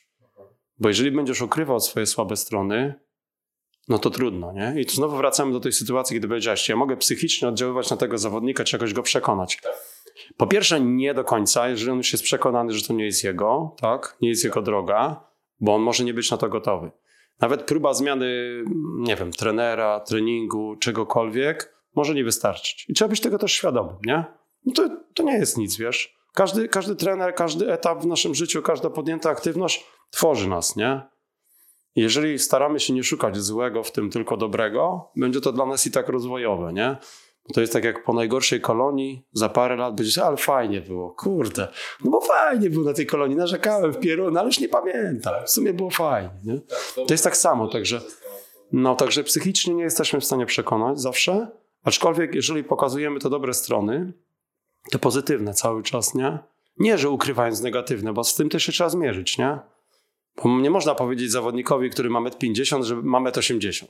No. no bo to jest takie to porównanie takie. Ale nie? jednak, tak jak wyczułem, ty masz taką metodę bardziej pozytywnego. Tak, bo to jest tak, że wiesz, problemy są. Tak jak na trasie. Góry są takim odzwierciedleniem, że są problemy, no ale ja muszę znaleźć sposób, jak je przezwyciężyć. A nie zastanawiać się, że będzie mi ciężko, bo ja to wiem. Ja to wiem, że wbiegając vertical 3 km, 1000 up, będzie mi ciężko, tak?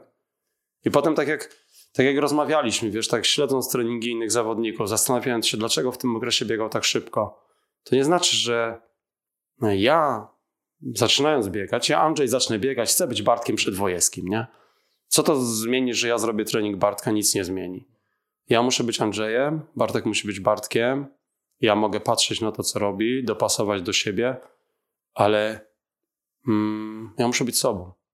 Ja w tym treningu muszę być sobą, i w tym rozwoju muszę być sobą, w tej świadomości muszę być sobą, w tej zmianie siebie, w pokonywaniu mojej granicy muszę być sobą, wychodzenie z komfortu z sobą, jeszcze raz z sobą. Ja mogę go podziwiać, jednego, drugiego, Kiliana, patrzeć jak fantastycznie ciężko trenuje, ale to pomogło jemu. Czy to pomoże mi? może mi dać pewną świadomość, pewną bazę, pewne porównanie, ale wiesz, to jest tak, że dróg na szczyt jest wiele, tak jak góra. Ja, tych alegorii do gór to ja mam bardzo dużo, nie? Tak jak lubię chodzić, uwielbiam góry i tak dalej. I możesz wejść na taką ślężę z dziesięciu różnych stron. Każda droga jest inna, tak? W każdym porze roku jest też inaczej. I Niby tak ta sam... sama góra tak, a ciągle niby ta sama góra, nie? I teraz y, to, czy ty jako zawodnik wybierzesz tą ścieżkę, tą ścieżkę swojej drogi na szczyt, jest twoim wyborem, pewnym zbiegiem okoliczności, kwestią ludzi, których spotkałeś po drodze, może dobrze, może źle, ale na pewno spotkałeś. Oni coś ci wnieśli, coś ci dali, nie? I czerp z tego, co uzyskałeś, żeby się rozwijać. Może szybciej, może wolniej, nie? To jest tak, my tak, wiesz, z praktyki też mamy tak, że jak już się czepiliśmy kiedyś wcześniej tego biegu ciągłego tutaj dzisiaj w rozmowie, to mamy zawodników, którzy biegają po 3,30, ten ciągły tak zwany, na kilometr na przykład i takich zawodników, którzy biegają po 3,50. A okazuje się, że piątkę biegają obaj po 14 minut. Wynika to z pewnych predyspozycji, z pewnej budowy mięśniowej, somatycznej, biomechanicznej, dużej takiej ilości parametrów. I nie można tak skrajnie oceniać, nie? Jeżeli Kilian trenuje na sześciu akcentach w tygodniu, zawsze dwa razy dziennie, kurde, ja tak popatrzył, przeryłem jego dzienniczki całe raptem, nie? Mówię, kto jest w stanie to wytrzymać? Złapałem się za głowę, nie, to jest jakaś masakra, nie? Oczywiście próbujemy te elementy, nie? Jak powiem ci, znajduję taki masakryczny trening, mówi, dobra, przeleciałem sobie vertical 1000 metrów up w 33 minuty. Dwie minuty przerwy, lecę dychę, 21, 31, 43. Ja pierniczę, 31, 43. Super byłoby tak powiedz płasko na świeżości, wypuszczając się 3 dni, nie? No nie da się. No to jest, to jest nie, od, nie do odzorowania w takiej formie, nie? Tak. I to potem może kosztować człowieka za dużo.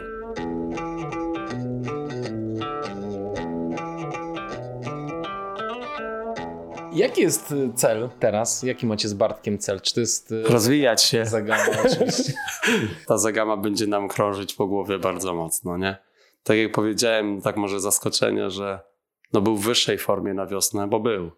Postawił dużo na jedną kartę w tym roku. Wziął dwa miesiące urlopu bezpłatnego, tak? Tyrał, siedział cały miesiąc na obozie, realizował na dwóch tysiącach Pozdrawiamy Kamila Leśniaka, próbował przeżyć niektóre elementy treningu. No nie da się tak z oderwania też zrobić, tak? Ale z pewnością y, w świadomej pracy ta zagama jak gdyby ze względu na swój klimat, na ludzi, którzy tworzą ten bieg, tak? Jest czymś takim magicznym, nie? Ktoś, kto się oderwie od naszych biegów. Mamy fantastyczną ilość biegów w Polsce i, i niektóre są naprawdę piękne, klimatyczne, cudowne. Ale mi osobiście trochę przeszkadza, jak sami organizatorzy uważają najlepszy, najtrudniejszy, najfajniejszy. Tam się nikt nad tym nie zastanawia.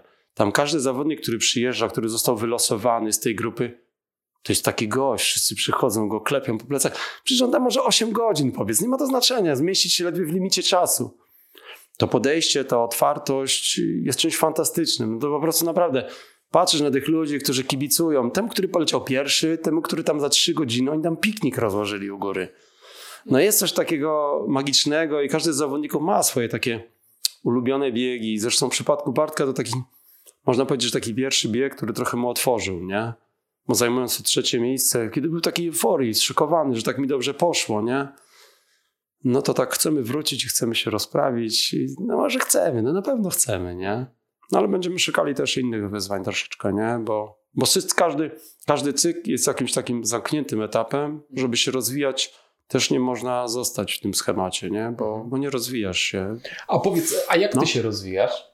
A jak ja się rozwijam? Tak, w tym se, w trenersko, w sensie zastanawiam się, jeżeli opowiedziałeś o tym, że przygotowujesz różnych ludzi do różnych dyscyplin i to też wymaga dużo od ciebie przygotowań. W jaki sposób e, ty na przykład z jakich źródeł korzystasz, albo może, nie wiem, rozmawiasz z jakimiś e, ludźmi, może śledzisz kogoś, obserwujesz. Jak wygląda Twój proces nauki? Jednym zdaniem? Tak. Wszystko, co powiedziałeś. tak? no tak można powiedzieć, bo nie masz gotowej odpowiedzi. To, że papa, zająłeś się czymś, nie wiem, zająłbym się boksem, no to chciałbym zobaczyć, jak papasz tam trenował. No oczywiście od tego bym zaczął, tak z czystej myśli, takiej historycznej, własnej świadomości, nie? No ale czy tam to jest w stanie teraz się zweryfikować? Nie wiem. No to zadałbym pytanie, sięgnąłbym do literatury, zobaczył internet, zaczął rozmawiać z ludźmi, uczył się. Trzeba być otwartym na naukę. Bo ja wszystkiego nie wiem. W bieganiu też wszystkiego nie wiem. Nie jestem alfą i omegą, popełniam tak samo błędy, mam tak samo wątpliwości i będę szukał. I na każdym polu będę szukał. Ja bardziej korzystam, powiedzmy, z tego, co świat zrobił. Oczywiście śledzę zawodników, ale ja jestem z taką, wiesz, pokorą, nie? Bo tak mi zadajesz pytanie, wcześniej nawet ci nie odpowiedziałem na nie. Jestem sobie tutaj, trenuję zawodników płasko, okej. Okay. No ale tydzień temu przeczytałem, jak Tom Cyborg Evans, którego tak sobie nazywam, Brytyjczyk fantastyczny, który też biega ultra, ale myśli o Igrzyskach Olimpijskich w maratonie. Biegał teraz półmaraton w Gdyni, oczywiście fantastycznie, godzina tam dwa, bez żadnego problemu, tak? Powiedział, bo wiecie jak to jest, nie muszę biegać po górach, bo bieganie to jest bieganie. Czyli jeżeli te parametry rozwijam i jakiś czas wyjadę, będę coś tam robił, to być może mam takie predyspozycje, że też zaistnieje, nie? To jest taki paradoks. I teraz, jeżeli poszukujesz czegoś nowego, to nie wystarczy ci jedno źródło. To nie jest doktor Google, bo to może czasami być najgorszy przyjaciel twój, bo nie potrafisz filtrować informacji.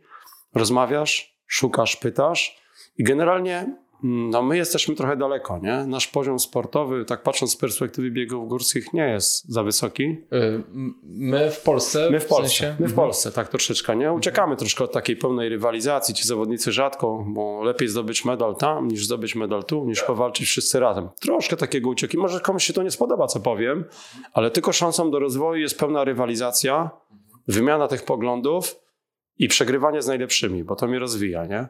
Także ja tak, wiesz, no, paru moich chłopaków poleciało na stypendia do Stanów, skończyło tam uczelnię.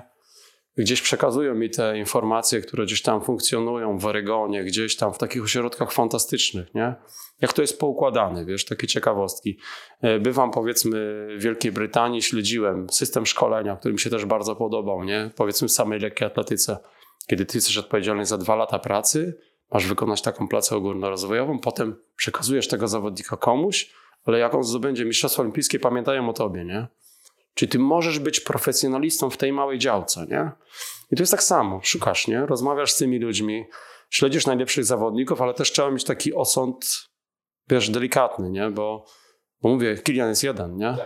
Jim jest jeden, Bartek jest jeden. Nie możemy tak bezpośrednio sobie czegoś zadoptować, spróbować, nie? Musimy szukać, nie? To jest taka, cały czas taka kwintesencja nauki, nie? Podręcznik tworzy Twoją bazę. Rozmowa z człowiekiem tworzy Twoje doświadczenie, tak? A wnioski tak musisz wyciągnąć sam. I zawsze masz takie dwie szanse, nie? Czy masz więcej tych rzeczy, mniejszą szansę na popełnienie błędu. Aczkolwiek one są wpisane i się zdarzą, nie? Mhm. Kierujesz się głównie intuicją w takich sytuacjach, jak masz dużo danych i bardzo, coś wybrać? Bardzo często. Tak jak kieruję się intuicją w stosunku do ludzi, i podejmowania decyzji o współpracy, tak samo bardzo często kieruję się intuicją właśnie w takich wyborach. Mhm. Zawodzi cię czasami? Mm, zdarza mi się, że mnie zawodzi, aczkolwiek e, to jest bardziej tym, że sugeruje się racjonalnością. Mhm. Sugeruje się jakimś pewnym czynnikiem, który uważam go za, za najważniejszy w danej chwili i popełniam ten błąd, że gdyby on mi zaciemnił obraz całości, nie? Jak, może bym powiedział inaczej, że e, trening zaciemnił mi obraz człowieka. Może to będzie taki paradoks, nie? Ale trening, jak gdyby stricto to, że chcę coś osiągnąć, powoduje, że nie popatrzyłem ze strony tej drugiej, ze strony takiej ludzkiej, nie? I to może tak trzeba powiedzieć, nie? Bo te zwątpienia są. No, muszę ci powiedzieć taki teraz, może z innej beczki, że też wykonałem do Bartka taki telefon i mówię, Bartek, kurde, zgubiłem się w treningu. I to jest ten rok, taki specyficzny bardzo. Ten maj, kiedy wiedzieliśmy, że te imprezy są poprzekładane, nie?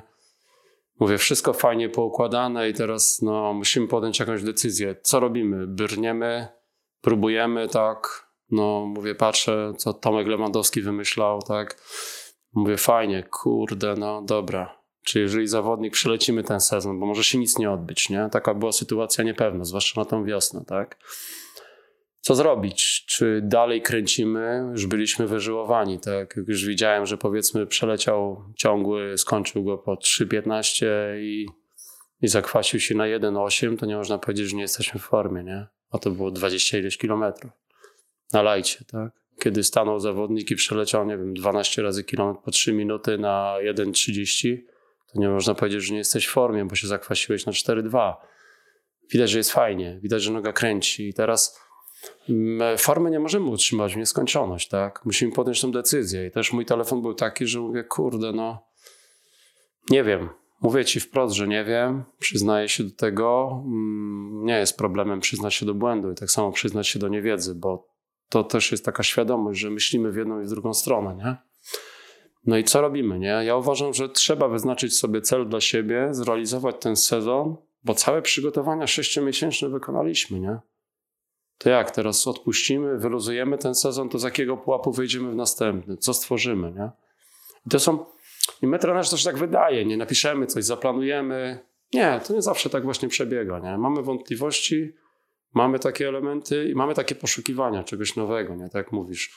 Tworząc coś nowe, no muszę szukać na wielu polach. Nie bać się uczyć, nie bać się popełniać błędy, bo się nie da inaczej z czynnikiem ludzkim, niejednokrotnie, ale starać się wyciągać wnioski i szukać Myślę, że takiej szerokiej konsekwencji, wiesz? I właśnie tak, nie tak jak ci powiedziałem, że jednym czynnikiem się zasugeruje i popełnię błąd, bo zdarza mi się, nie? No, to jest tylko To jest ludzkie, ludzkie, nie? Ja też jestem tylko człowiekiem. Mhm. Poza tym, tak jak powiedziałeś, masz skłonność troszeczkę do, w cudzysłowie, matematyki. Tak, Prawda? Tak, tak. Chcę, żeby mi się zgadzało, No nie? właśnie. Chcę, chcę, żeby coś było przewidywalne, nie? Tak, jak, tak samo jak ja osobiście jako człowiek, no też tego nie zmienię, że nienawidzę się spóźniać, tak? Jak ja będę stał i tupał nogami 5 minut przed wyjazdem, bo nie chcę się spóźnić, a na przykład moja żona powie, że no dobra, spokojnie damy radę, nie? No okej, no nie lubię, czuję się w tej sytuacji niekomfortowo. To się też tak przekłada na moje podejście takie treningowe, nie? Jestem obowiązkowy, jestem tak i, i można powiedzieć, że no tak nie zawsze. No, no, ilu mogę zawodników prowadzić na wysokim poziomie? Ja uważam, że czterech. Nie starczyłoby mi czasu, energii i takiego maksymalnego podejścia, żebym powiedział im, słuchajcie, jestem w stanie wam oferować tyle, ile byście oczekiwali, bo każdy z was jest inny, nie? Czterech. Tak uważam ja. To jest takie moje zdanie, bo też można powiedzieć, że no nie każdy jest takim Bartkiem, że po prostu no, o każdej porze dnia może do mnie napisać i wyciągniemy wnioski szybko na jutro, nie?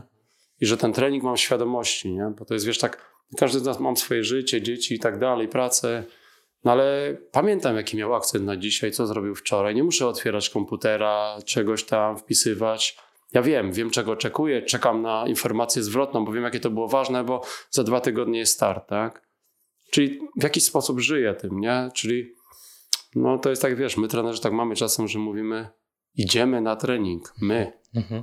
Nie? Coś, Bardzo- takiego, bar- coś bardzo- takiego mamy, nie? Bardzo często mówiłeś też, że No. bie, biegliście na Biegliśmy, tam na tak, prawda? widzisz, patrz ile razy mnie złapałeś na Tak. tym, te, a teraz A widzisz, to sam bardzo o tym ładne mówię. jest, bardzo ważne, tak. Bo to tak troszeczkę jest. Jeżeli się z tym utożsamiamy, to i ten pokład energii i te takie zrozumienie, to powoduje, że czujemy się takim nie ojcem tego, bo ja mówię, wolę stać z tyłu. Niektórzy mówią, że ciężko mnie znaleźć, ciężko ze mną porozmawiać. No, kto chce, to znajdzie. Nie muszę się afiszować. Ja nie coś. miałem problemu. Robię, no widzisz, nie miał problemu, super, zawsze można.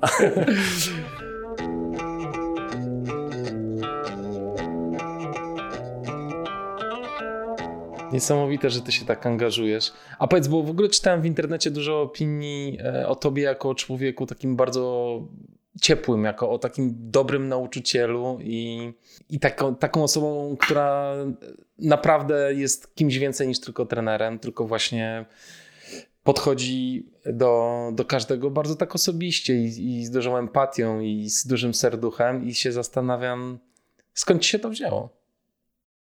Hmm. Aleś mi zadałeś trudne pytanie. Nie wiem, gdzie to wygrzebałeś. Skąd ci się to wzięło? Bo czy to jest e, coś, co ty miałeś od zawsze, od urodzenia? Czy ty na przykład musiałeś to w sobie wypracować? A może ktoś cię zainspirował w życiu, kogo spotkałeś? Może jakiś członek twojej rodziny był, miał podobne cechy charakteru do, do, do tych, które masz teraz? Wiesz, no mam inny charakter niż mój tata na przykład i trochę inny niż moja mama. Ciężko powiedzieć. A dziadkowie? Dziadkowie? Yy, No mój dziadek, yy, tata mamy, miał chyba duży wpływ na mnie osobiście i zawsze był mi taką osobą, która w jakiś sposób yy, dla mnie była ważna. Nie? Zawsze chciałem z nim spędzać ten czas, mimo że mieszkał gdzieś daleko ode mnie, bo ponad 200 kilometrów, rzadko tam byłem, ale zawsze patrzyłem z jakimś takim może podziwem nie? na niego. A czym się zajmował w życiu? Prowadził gospodarstwo rolne. Nic więcej, nie? Nic więcej i aż. Bo to też czasem takie niedoceniane, ale był takim człowiekiem właśnie, takim z zasadami, może tak. I to mnie gdzieś tam przekonało, bo w sumie samym sportem to zaszczepił mi ojciec, tak? Bo ja sam grałem troszkę w piłkę ręczną, a mój tata jest matematykiem, który prowadził też WF, nie? I zawsze gdzieś te dzieciaki ganiał, tu, tam, siam. No i tak się też moja droga gdzieś tam zaczęła, jak byłem młodziutki, pomalutku. Ale wiesz co, no nie wiem, no ja powiem ci tak, że po wielu latach troszeczkę nauczyłem się takiego dystansu. Bo przyszedł taki moment, w którym ja za dużo wkładałem siebie. No może to przykre takie jest. I teraz dalej nie potrafię tego kontrolować, bo niezależnie czy jestem trochę idealistą, czy takim człowiekiem właśnie, że, że żyje tym, co robi, bo nie można powiedzieć, że inaczej angażuje się w różne jakieś charytatywne historie, coś tam, oddawanie krwi, duperele. Wszystkie takie rzeczy ważne, które mi sprawiają jakąś taką drobną satysfakcję może to jest takie drugie pole, gdzie to przetworzyłem, to nie, dość długo trwało, zanim się nauczę dystansować do tego, nie? Bo wiesz, praca z młodymi jest taka, że oni się rozwijają sportowo i ty oczekujesz od nich coraz więcej, poziom sportowy rośnie, ale oni też oczekują od ciebie coraz większego zaangażowania, czy czegoś takiego, żeby poświęcić tylko im czas. A prawda jest taka, że jak tworzysz zawodnika od zera, czyli powiedzmy tego 12-13 latka, to ty powinieneś go tworzyć tak, żeby on nabierał coraz większej samodzielności. Że to nie jest tak, że ja muszę się pojawić na każdym rozbieganiu, na przykład jeżdżę rowerem dużo, tak? No.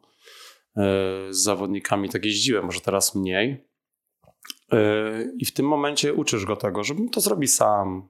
Czy on już nie ma kontaktu z tobą, tak? Czy przygotowujesz do tego, że od pewnego momentu będzie miał 19 lat, podejmie decyzję, czy sport i droga w kierunku bardziej profesjonalnym jest moja, czy pamiętam ten fajny czas, który się odbył, jako świetną zabawę, satysfakcję, coś osiągnąłem, co mnie zbudowało, ale idę inną drogą, nie? I czasami to się tak rozmywa i jeżeli te oczekiwania tych ludzi, którzy wchodzą na ten poziom i twoje, że ty już nie jesteś w stanie, chcesz dalej być w tej grupie, gdzieś z tą garstką dzieci, bo to cię też nakręca, daje ci jakąś taką energię. Nie jestem wampirem energetycznym, właśnie jestem takim postrzelonym panem naleśnikiem, że taka moja druga osoba, że lubię się wygłupiać, wariować z tymi maluchami i dobrze wybrałem swój zawód, fizycznie uważam. Ale to powoduje, że właśnie, żebyśmy się nie zatracili, nie? że stworzenie tego dystansu jest chyba dobre. Nie? Yy, nie mogę powiedzieć, że się tak no, nie przyzwyczaiłem do pracy z Bartkiem, bo czasami się czuję jak jego ojciec drugi, tak? Jego rodziców też poznałem, miałem okazję wcześniej.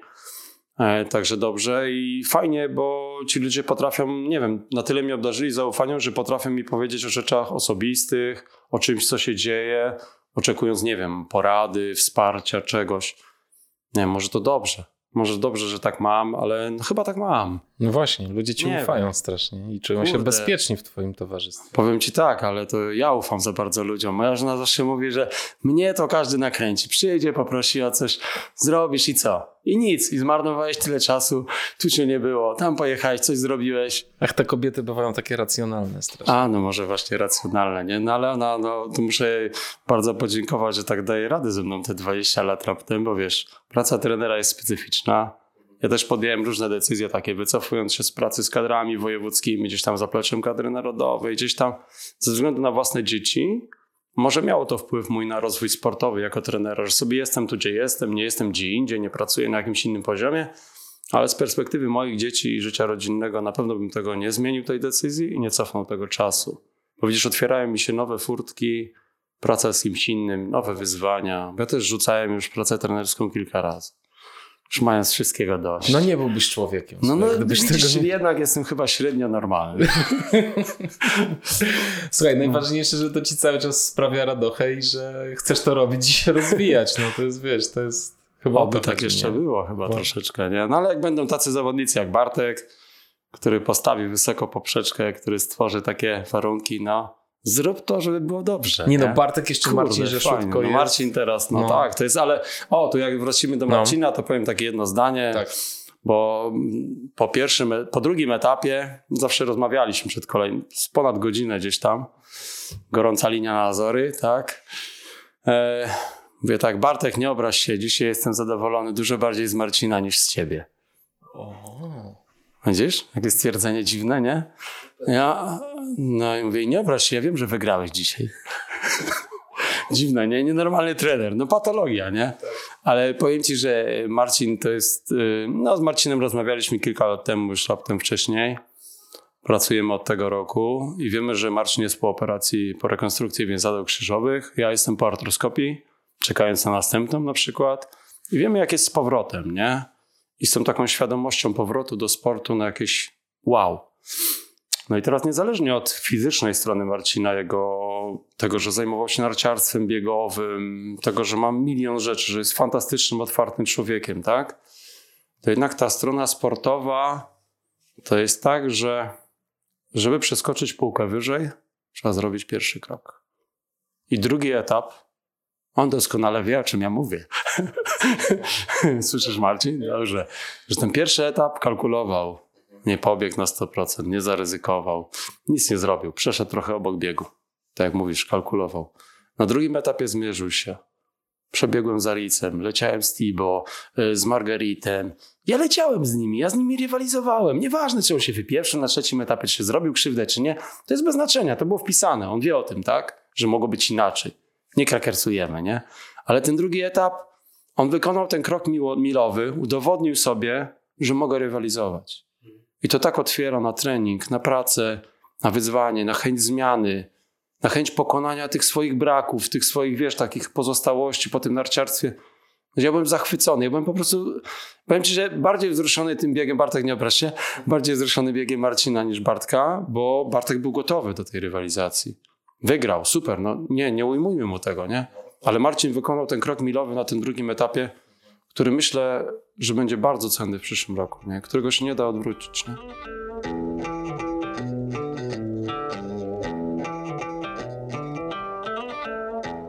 Jakie byś rozwiązanie widział dla y, naszych biegaczy, żeby wskoczyli na poziom wyższy? Powiem Ci tak, mamy setki biegów, tak? Obecnie już nawet setki biegów górskich. Tu, tu, tu, w każdej miejscowości, każda miejscowość chce się promować, aktywność jest ważna i fajnie. No i teraz y, samozadowolenie. To jest czynnik, o którym mówię, który mi bardzo przeszkadza. Bo ja jestem samozadowolony, że napisałem na Instagramie, na Facebooku, na czymkolwiek, no nie, nie wszystkich się znam, tych profilach, bo już trochę lat jest, że wygrałem ten bieg, buduję dookoła tego otoczkę, nie zmierzę się z niczym trudnym. Jeżeli mam wystartować w Tatra Sky Marathon, tak, fajnej imprezie, która chce budować charakter, nie ujmuję się za najsilniejszą jakąś nie wiadomo jaką, no nie pobiegnę tam, bo za dwa tygodnie bym se pobiegł to, a to wygram mamy takie wybiórczość, nie? Mamy tą grono tych biegaczy, które nie chce się konfrontować trochę, tak? Bo nie, bo przyjechał przedwojewski, włoży mi 20 minut, jak to będzie wyglądało. Ja będę mówił, że zajęłem drugie miejsce, super pobiegłem, a on wygrał ze mną 20 minut, tak? No ale to kurde, no to masz okazję się zmierzyć. I teraz, jeżeli podejmiesz wyzwanie, wystarczyło ci do 8 kilometra, może kiedyś ci wystarczy do 10, może za chwilę do 20, a za rok, dwa możesz wygrać.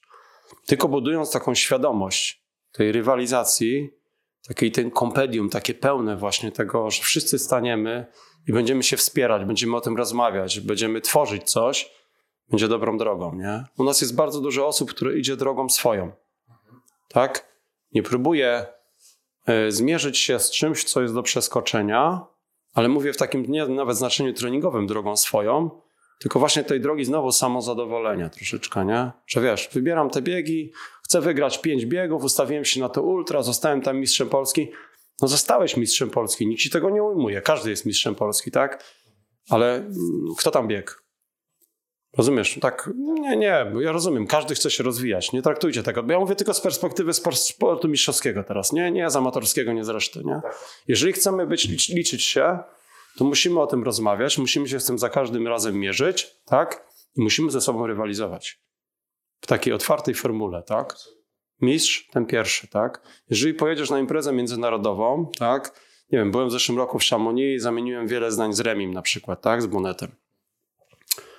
Trenuję sobie sam, sam sobie wszystko tworzę, sam sobie narzuca, specjalizuję się w skiturach, biegam tyle upów, na masakryczną ilość tych wertykali, no ale gdzie mieszkam w Szwajcarii, mam świetne warunki i tak dalej, nie? I ta otwartość tych wszystkich ludzi, od tego setnego do tego pierwszego, że oni chcą ze sobą rywalizować, że oni się bardzo szanują, że oni się wspierają, że oni nie uciekają od siebie, że nie wiesz, rywalizacja od startu do mety się zaczyna koniec, ale to jest rywalizacja, jesteśmy świetnymi komplami, tak? Budujemy mhm. się. Budujemy Rozumiem. też markę biegów w sumie górskich, tak. tak? I przez ten poziom. Bo to jest też ważne, wiesz, żeby się nie rozmieniać na drobne, nie? żeby nie tworzyć miliona imprez dookoła, takich wiesz, że 40 mistrzostw Polski. Bo zaraz dojdziemy do tego, że y, rzut szklanką, ale ta szklanka może mieć taką wielkość albo inną wielkość. Też będę mistrzem, nie? Żeby się nie bać tych wyzwań, że to w tych No tak, ale zobacz, a z myślę, drugiej wiesz? strony ja troszkę patrzę na to mm, tak, że wiesz co, tak naprawdę większość e, naszych zawodników to są ludzie, którzy mają normalne życie, mają pracę i ten sport to jest trochę hobby. I troszkę chcą czuć satysfakcję z tego, co robią. Nie do końca muszą się puszować tak bardzo, żeby wiesz, mieć za cel wystartowanie w Tatra Sky Marathon i, i, i dogonienie Bartka Przedwojewskiego. Wiesz, no tak sobie myślę, że czasem to jest po prostu takie, takie no, no ludzkie, no, że ktoś chce... Dobra, bardzo ludzkie, ale dlatego nadmieniłem, że ja No mówię tak. z perspektywy mistrzostwa, sportowego. Masz rację, Ja rozumiem. nie mówię z tej perspektywy realizacji, dlatego ja nie Tak. chciałem, żeby ktoś się czuł urażony tym stwierdzeniem. Tylko nie? jeżeli już ktoś aspiruje, Tak, to niech... dokładnie, się dokładnie. postawi na I starcie, nie mówię o trudno. porównywaniu do Bartka nawet Tak, fizycznie, tak, tak. tylko do porównaniu do najwyższego, Najwyższego poziomu. możliwego. Najwyższego poziomu, tak? Tak. Bo no ilu mamy zawodowców biegających? No praktycznie żadnego. Garstka. Tak. Tak. No nie wiem, jeden, dwóch, Tak. może tam gdzieś, nie? Tak. Którzy jeszcze szkolą ludzi i dzięki temu się utrzymują na swoje bieganie na coś, nie? I nic więcej. I oni wszyscy są pracujący, tak? Ale to znowuż widzisz, mówimy o tym czynniku negatywnym, tak? Tak. Bo ja robię to, to nie mam czasu. Nie, szukaj czynników pozytywnych. Chcesz się rozwijać. I to jest każdego wyborem. Czy dla mnie przebiegnięcie 120 będzie sukcesem? Będzie sukcesem. Podziwiam tych ludzi. Tego, który przybiegł ostatni, zmienił się, zmieścił się, tak? W tym limicie. Fantastyczny. Ten, który się nie zmieścił, ale też dobiegł do końca. Nie zszedł, bo on chciał to zrobić dla siebie. Większe brawa niż dla tego, który wygrał. Oczywiście, tak z perspektywy amatorskiej, nie? Ale z perspektywy budowania mistrzostwa, to to jest określone, tak? Mistrzem olimpijskim jest jeden zawodnik. I do, w tym kierunku mówimy tylko z perspektywy mistrzostwa, jeżeli mamy się rozwijać, nie? Bo to nie można tak powiedzieć, że dobra, jesteśmy fajni, mamy poziom damski, jaki mamy, ale jak pojedziemy na imprezę światową, to naraz to jest 20 minut straty, 30 minut straty. Bo to wyznacza nam możliwość rywalizacji. Nie inaczej. Tak, żebyśmy też się rozumieli, nie? Bo tutaj jest fajnie. On pracuje, wie, on został mistrzem Polski. Wielki szacunek, wielkie gratulacje z mojej strony, jak najbardziej. On zrobił coś fantastycznego, nie? Tak, ale tylko, że trzeba pamiętać, że zawodnik jest zawsze w pewien sposób oceniany. Zawsze w pewien sposób szufladkowany, tak? Każdy wie, kto jest Kinian, każdy wie, kto to jest Wemsley. Każdy wie z tych biegaczy, którzy się jarają, którzy tam zdobywają te medale, nie? I on musi pamiętać, że droga na mistrzostwo jest trudna, nie? Żeby wygrać na podwórku, tutaj jest ok.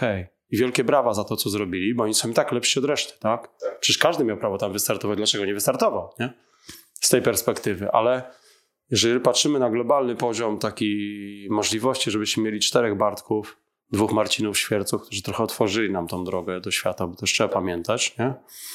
O takich osobach bardzo mocno, no to coś musimy stworzyć, żeby to jakoś tak iskrzyło i żeby to po prostu dało taki impuls do budowania, do szukania, do pokonywania tej bariery, do, do szukania tej rywalizacji gdzieś tam wyżej. Niezależnie od tego, że każdy z nich pracuje. Nie?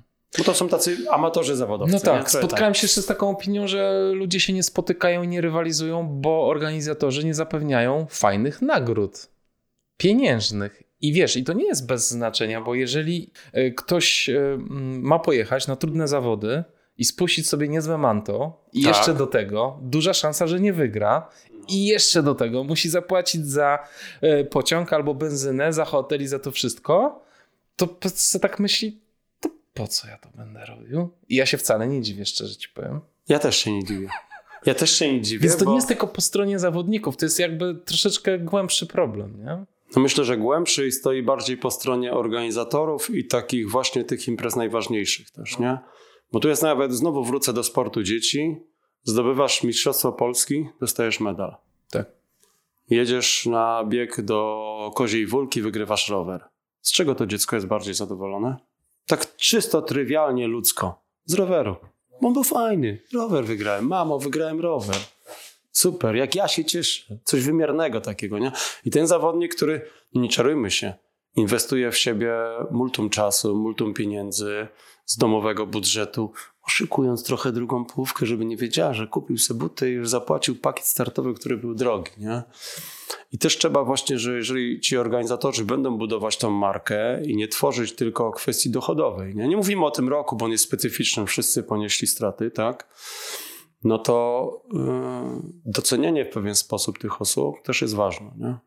gdzieś tam na tak szerszym spektrum, bo jeżeli na przykład weźmiemy nawet ten Golden Trail, jak on ewoluuje, to też widzimy, że poziom na tyle urósł, że rozszerza się miejsca, za które są jakiekolwiek pieniądze, nie?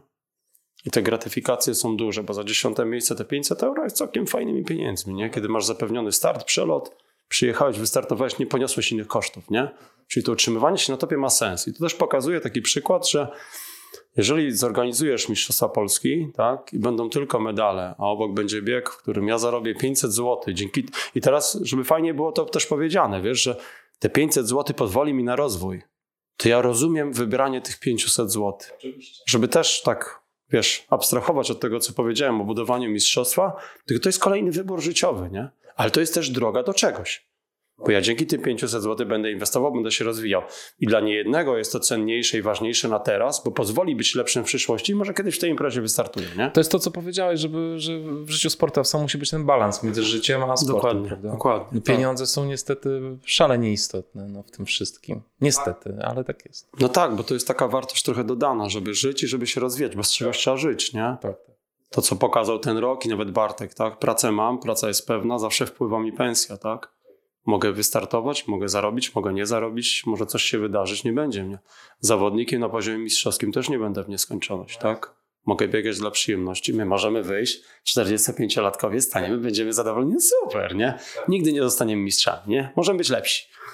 Na teraz lepsi już, nie? Ale mistrzami nie bardzo, nie? Także każdy musi tą szansę wykorzystać, tylko też trzeba pamiętać, że w tej drodze, do, znowu wracając tylko do mistrzostwa, wybierając te wątki poboczne, ten czas też płynie. Nie? Także trzeba się czasami zmierzyć, trzeba stanąć, że przychodzi taki moment, czy chcesz podjąć tą decyzję. Spróbuję, czy nie spróbuję? Jak spróbujesz, zawsze będzie taki moment, że spróbowałem, nawet mi nie wyszło, ale nie będę żałował. Bo potem bardzo często znowu mówimy, a mogłem spróbować. Może byłbym lepszy, a niepotrzebnie.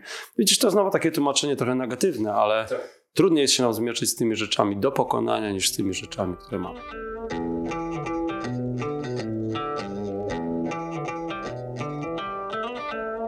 I mam na koniec jeszcze do ciebie jedno pytanie, bo mam kolegę, z którym koresponduję. E, kolega trenuje mm, do biegów ultra, biega około 70-90 km tygodniowo i uwaga, kolega ma 14 lat. I chciałem się ciebie spytać, ja co ty na to? Nie, nie powiem żadne kolokwialne słowo, generalnie nie przeklinam.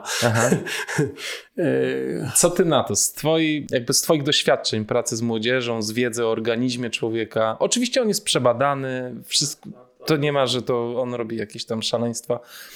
E, no powiem ci tak, no mamy w historii wiele przypadków. Gabriela Szabo, świetna zawodniczka rumuńska, tak? która jak miała 8 lat przeleciała półmaraton. Dobra, okej, okay, nie? Fajnie. Tylko może to jest to czynnik bardziej indywidualny, nie? Też trzeba na to tak patrzeć. Z punktu widzenia rozwojowego hmm, powiedziałbym wprost z własnej praktyki tylko nie. Dlatego, że za dużo, nie? Patrząc na fazy rozwojowe, dlaczego nie brnąć w element szybkościowy w tym wieku, który potem będzie pierwszy ustępował?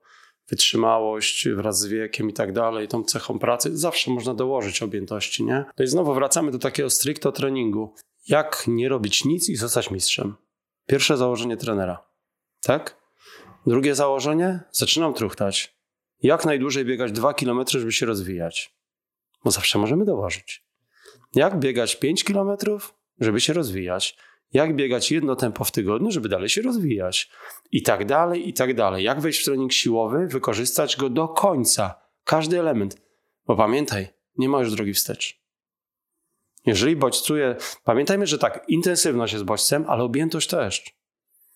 Czyli jeżeli za szybko wejdę w dużą objętość, to jest takie moje zdanie praktyczne, to czym będę chciał się bodźcować? Przerwą, intensywnością, modyfikacją, modulacją tym treningiem? Tak.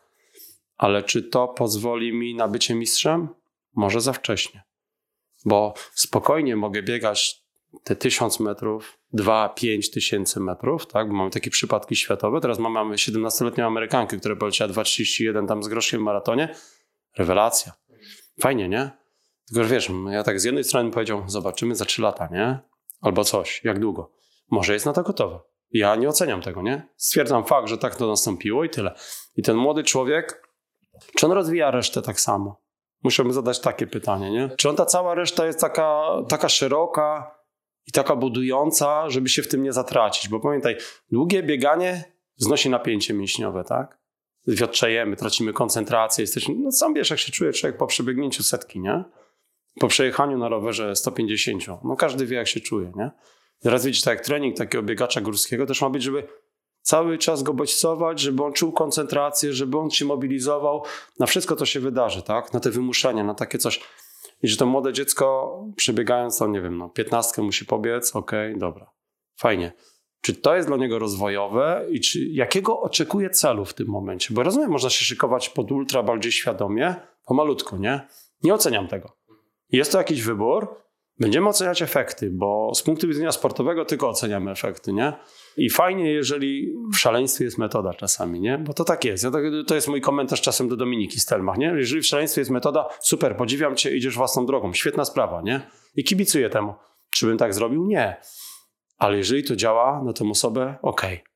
I tu jest takie samo moje stwierdzenie i to odpowiedź, nie? Poczekamy, czas jest cierpliwy, z pokorą, zobaczymy, jaki przyniesie to efekt. Nie? Ja tylko mogę powiedzieć z własnej perspektywy, że udało mi się jednego strażaka który pobiegł 2,26 w maratonie, trenując 5 razy w tygodniu, nie przebiegł nigdy więcej do tego maratonu niż 18 km. No, czyli normalnie pracował, tak? I można pobiec 2,26 w Dębnie, mając 33 lata.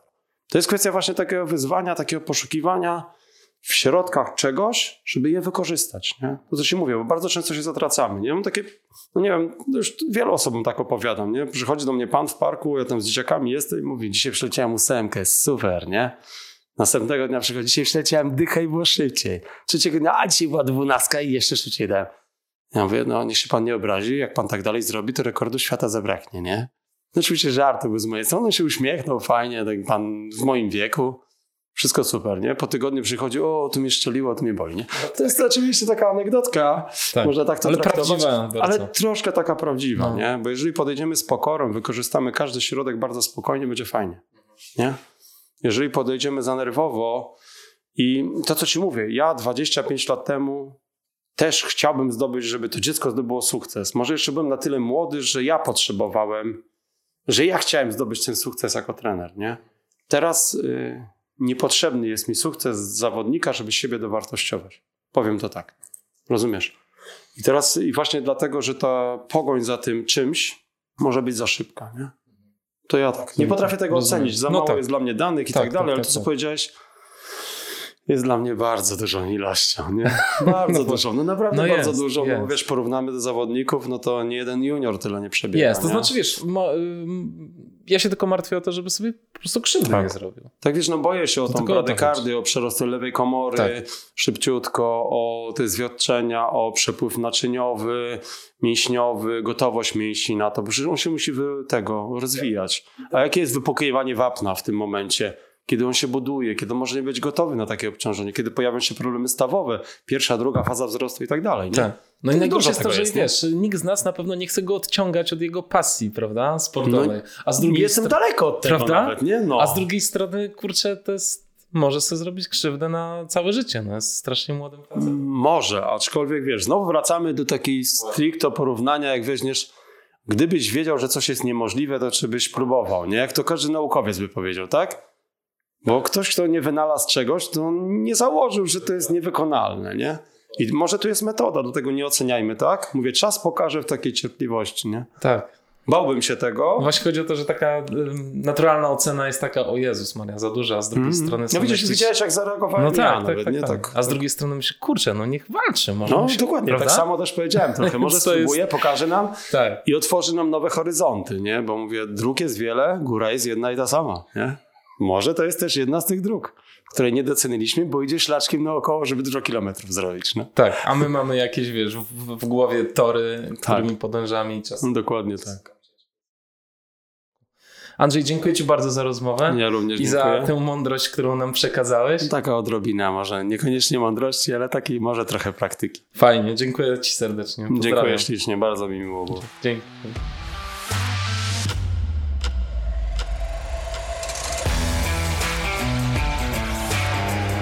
Nie wiem, jakie są Wasze odczucia po wysłuchaniu tej rozmowy, ale rozmawiając z Andrzejem, miałem poczucie tego niesamowitego porozumienia, jakie jest między nim a Bartkiem. Jasno określone cele, stojąca za tym determinacja i ciężka praca, ale też luz, zrozumienie, szacunek i sympatia. Niesamowite było usłyszeć, na jakim wysokim poziomie operuje mental mistrzowski. Jak niezwykle ważny jest każdy element tej układanki, a jeden z kluczowych to poza zrozumieniem tego, co się robi i wykonywaniem jednostek treningowych, to właśnie znalezienie balansu między ambicjami, pasją a życiem. Bo chyba nikt nie ma wątpliwości, że to, co Bartek osiąga, nie byłoby możliwe, gdyby nie dobre dusze, które go otaczają. Gdyby nie Andrzej, Patrycja, jednostka ratowniczo-gaśnicza numer 9 we Wrocławiu i oczywiście Aki.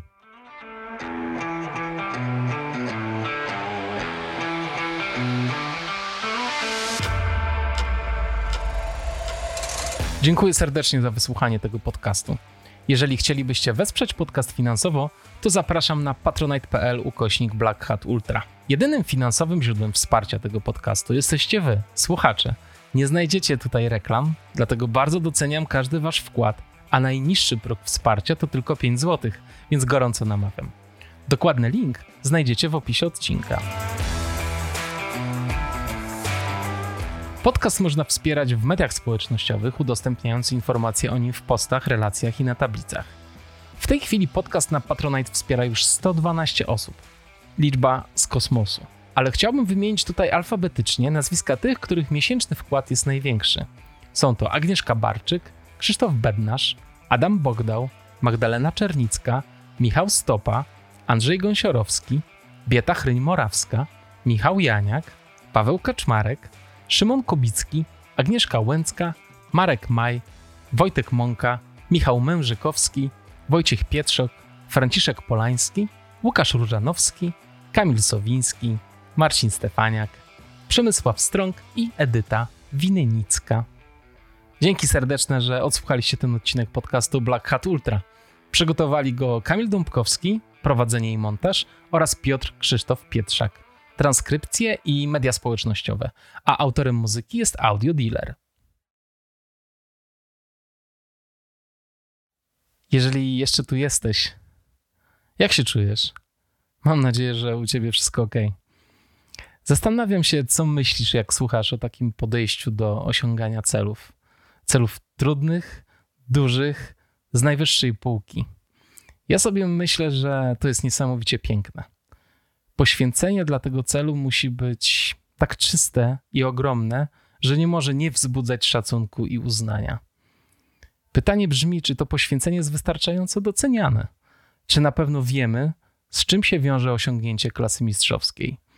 Możemy powiedzieć, no dobra, ale to był jego wybór, on zrobił to dla siebie. Ale czy tak jest w rzeczywistości? Gdyby nie ludzie wielcy, którzy przełamują standardy, stereotypy, granice ludzkich możliwości, którzy postawili sobie trudny i odległy cel, a potem go osiągnęli, skąd byśmy wiedzieli, gdzie podążać? Nie mielibyśmy punktu odniesienia do naszych działań. Jest też druga strona mistrzostwa. To jest to pytanie o to, co dalej, gdy osiągniesz swój cel, o samotność, jaką można odczuć po każdych ważnych zawodach, po każdym pobitym rekordzie. Pytanie o to, czy na końcu nadal wokół ciebie będą twoi przyjaciele i najbliżsi, z którymi będziesz mógł świętować, z którymi będziesz mógł budować kolejne cele. Dlatego tak ważna jest droga, a nie cel. Ważny jest styl, w jakim się coś osiąga. Myślę, że to właśnie Andrzej miał na myśli, gdy mówił o odpowiednim balansie pasji i życia. Nie odpłynąć w tym. Pamiętać, że nie jesteśmy sami, że osiągamy coś dzięki pracy, wsparciu lub przyzwoleniu innych. Warto o tym pamiętać, więc kochajcie siebie, kochajcie bliskich i codziennie bądźcie wdzięczni za to, co macie dobrego. Buźka.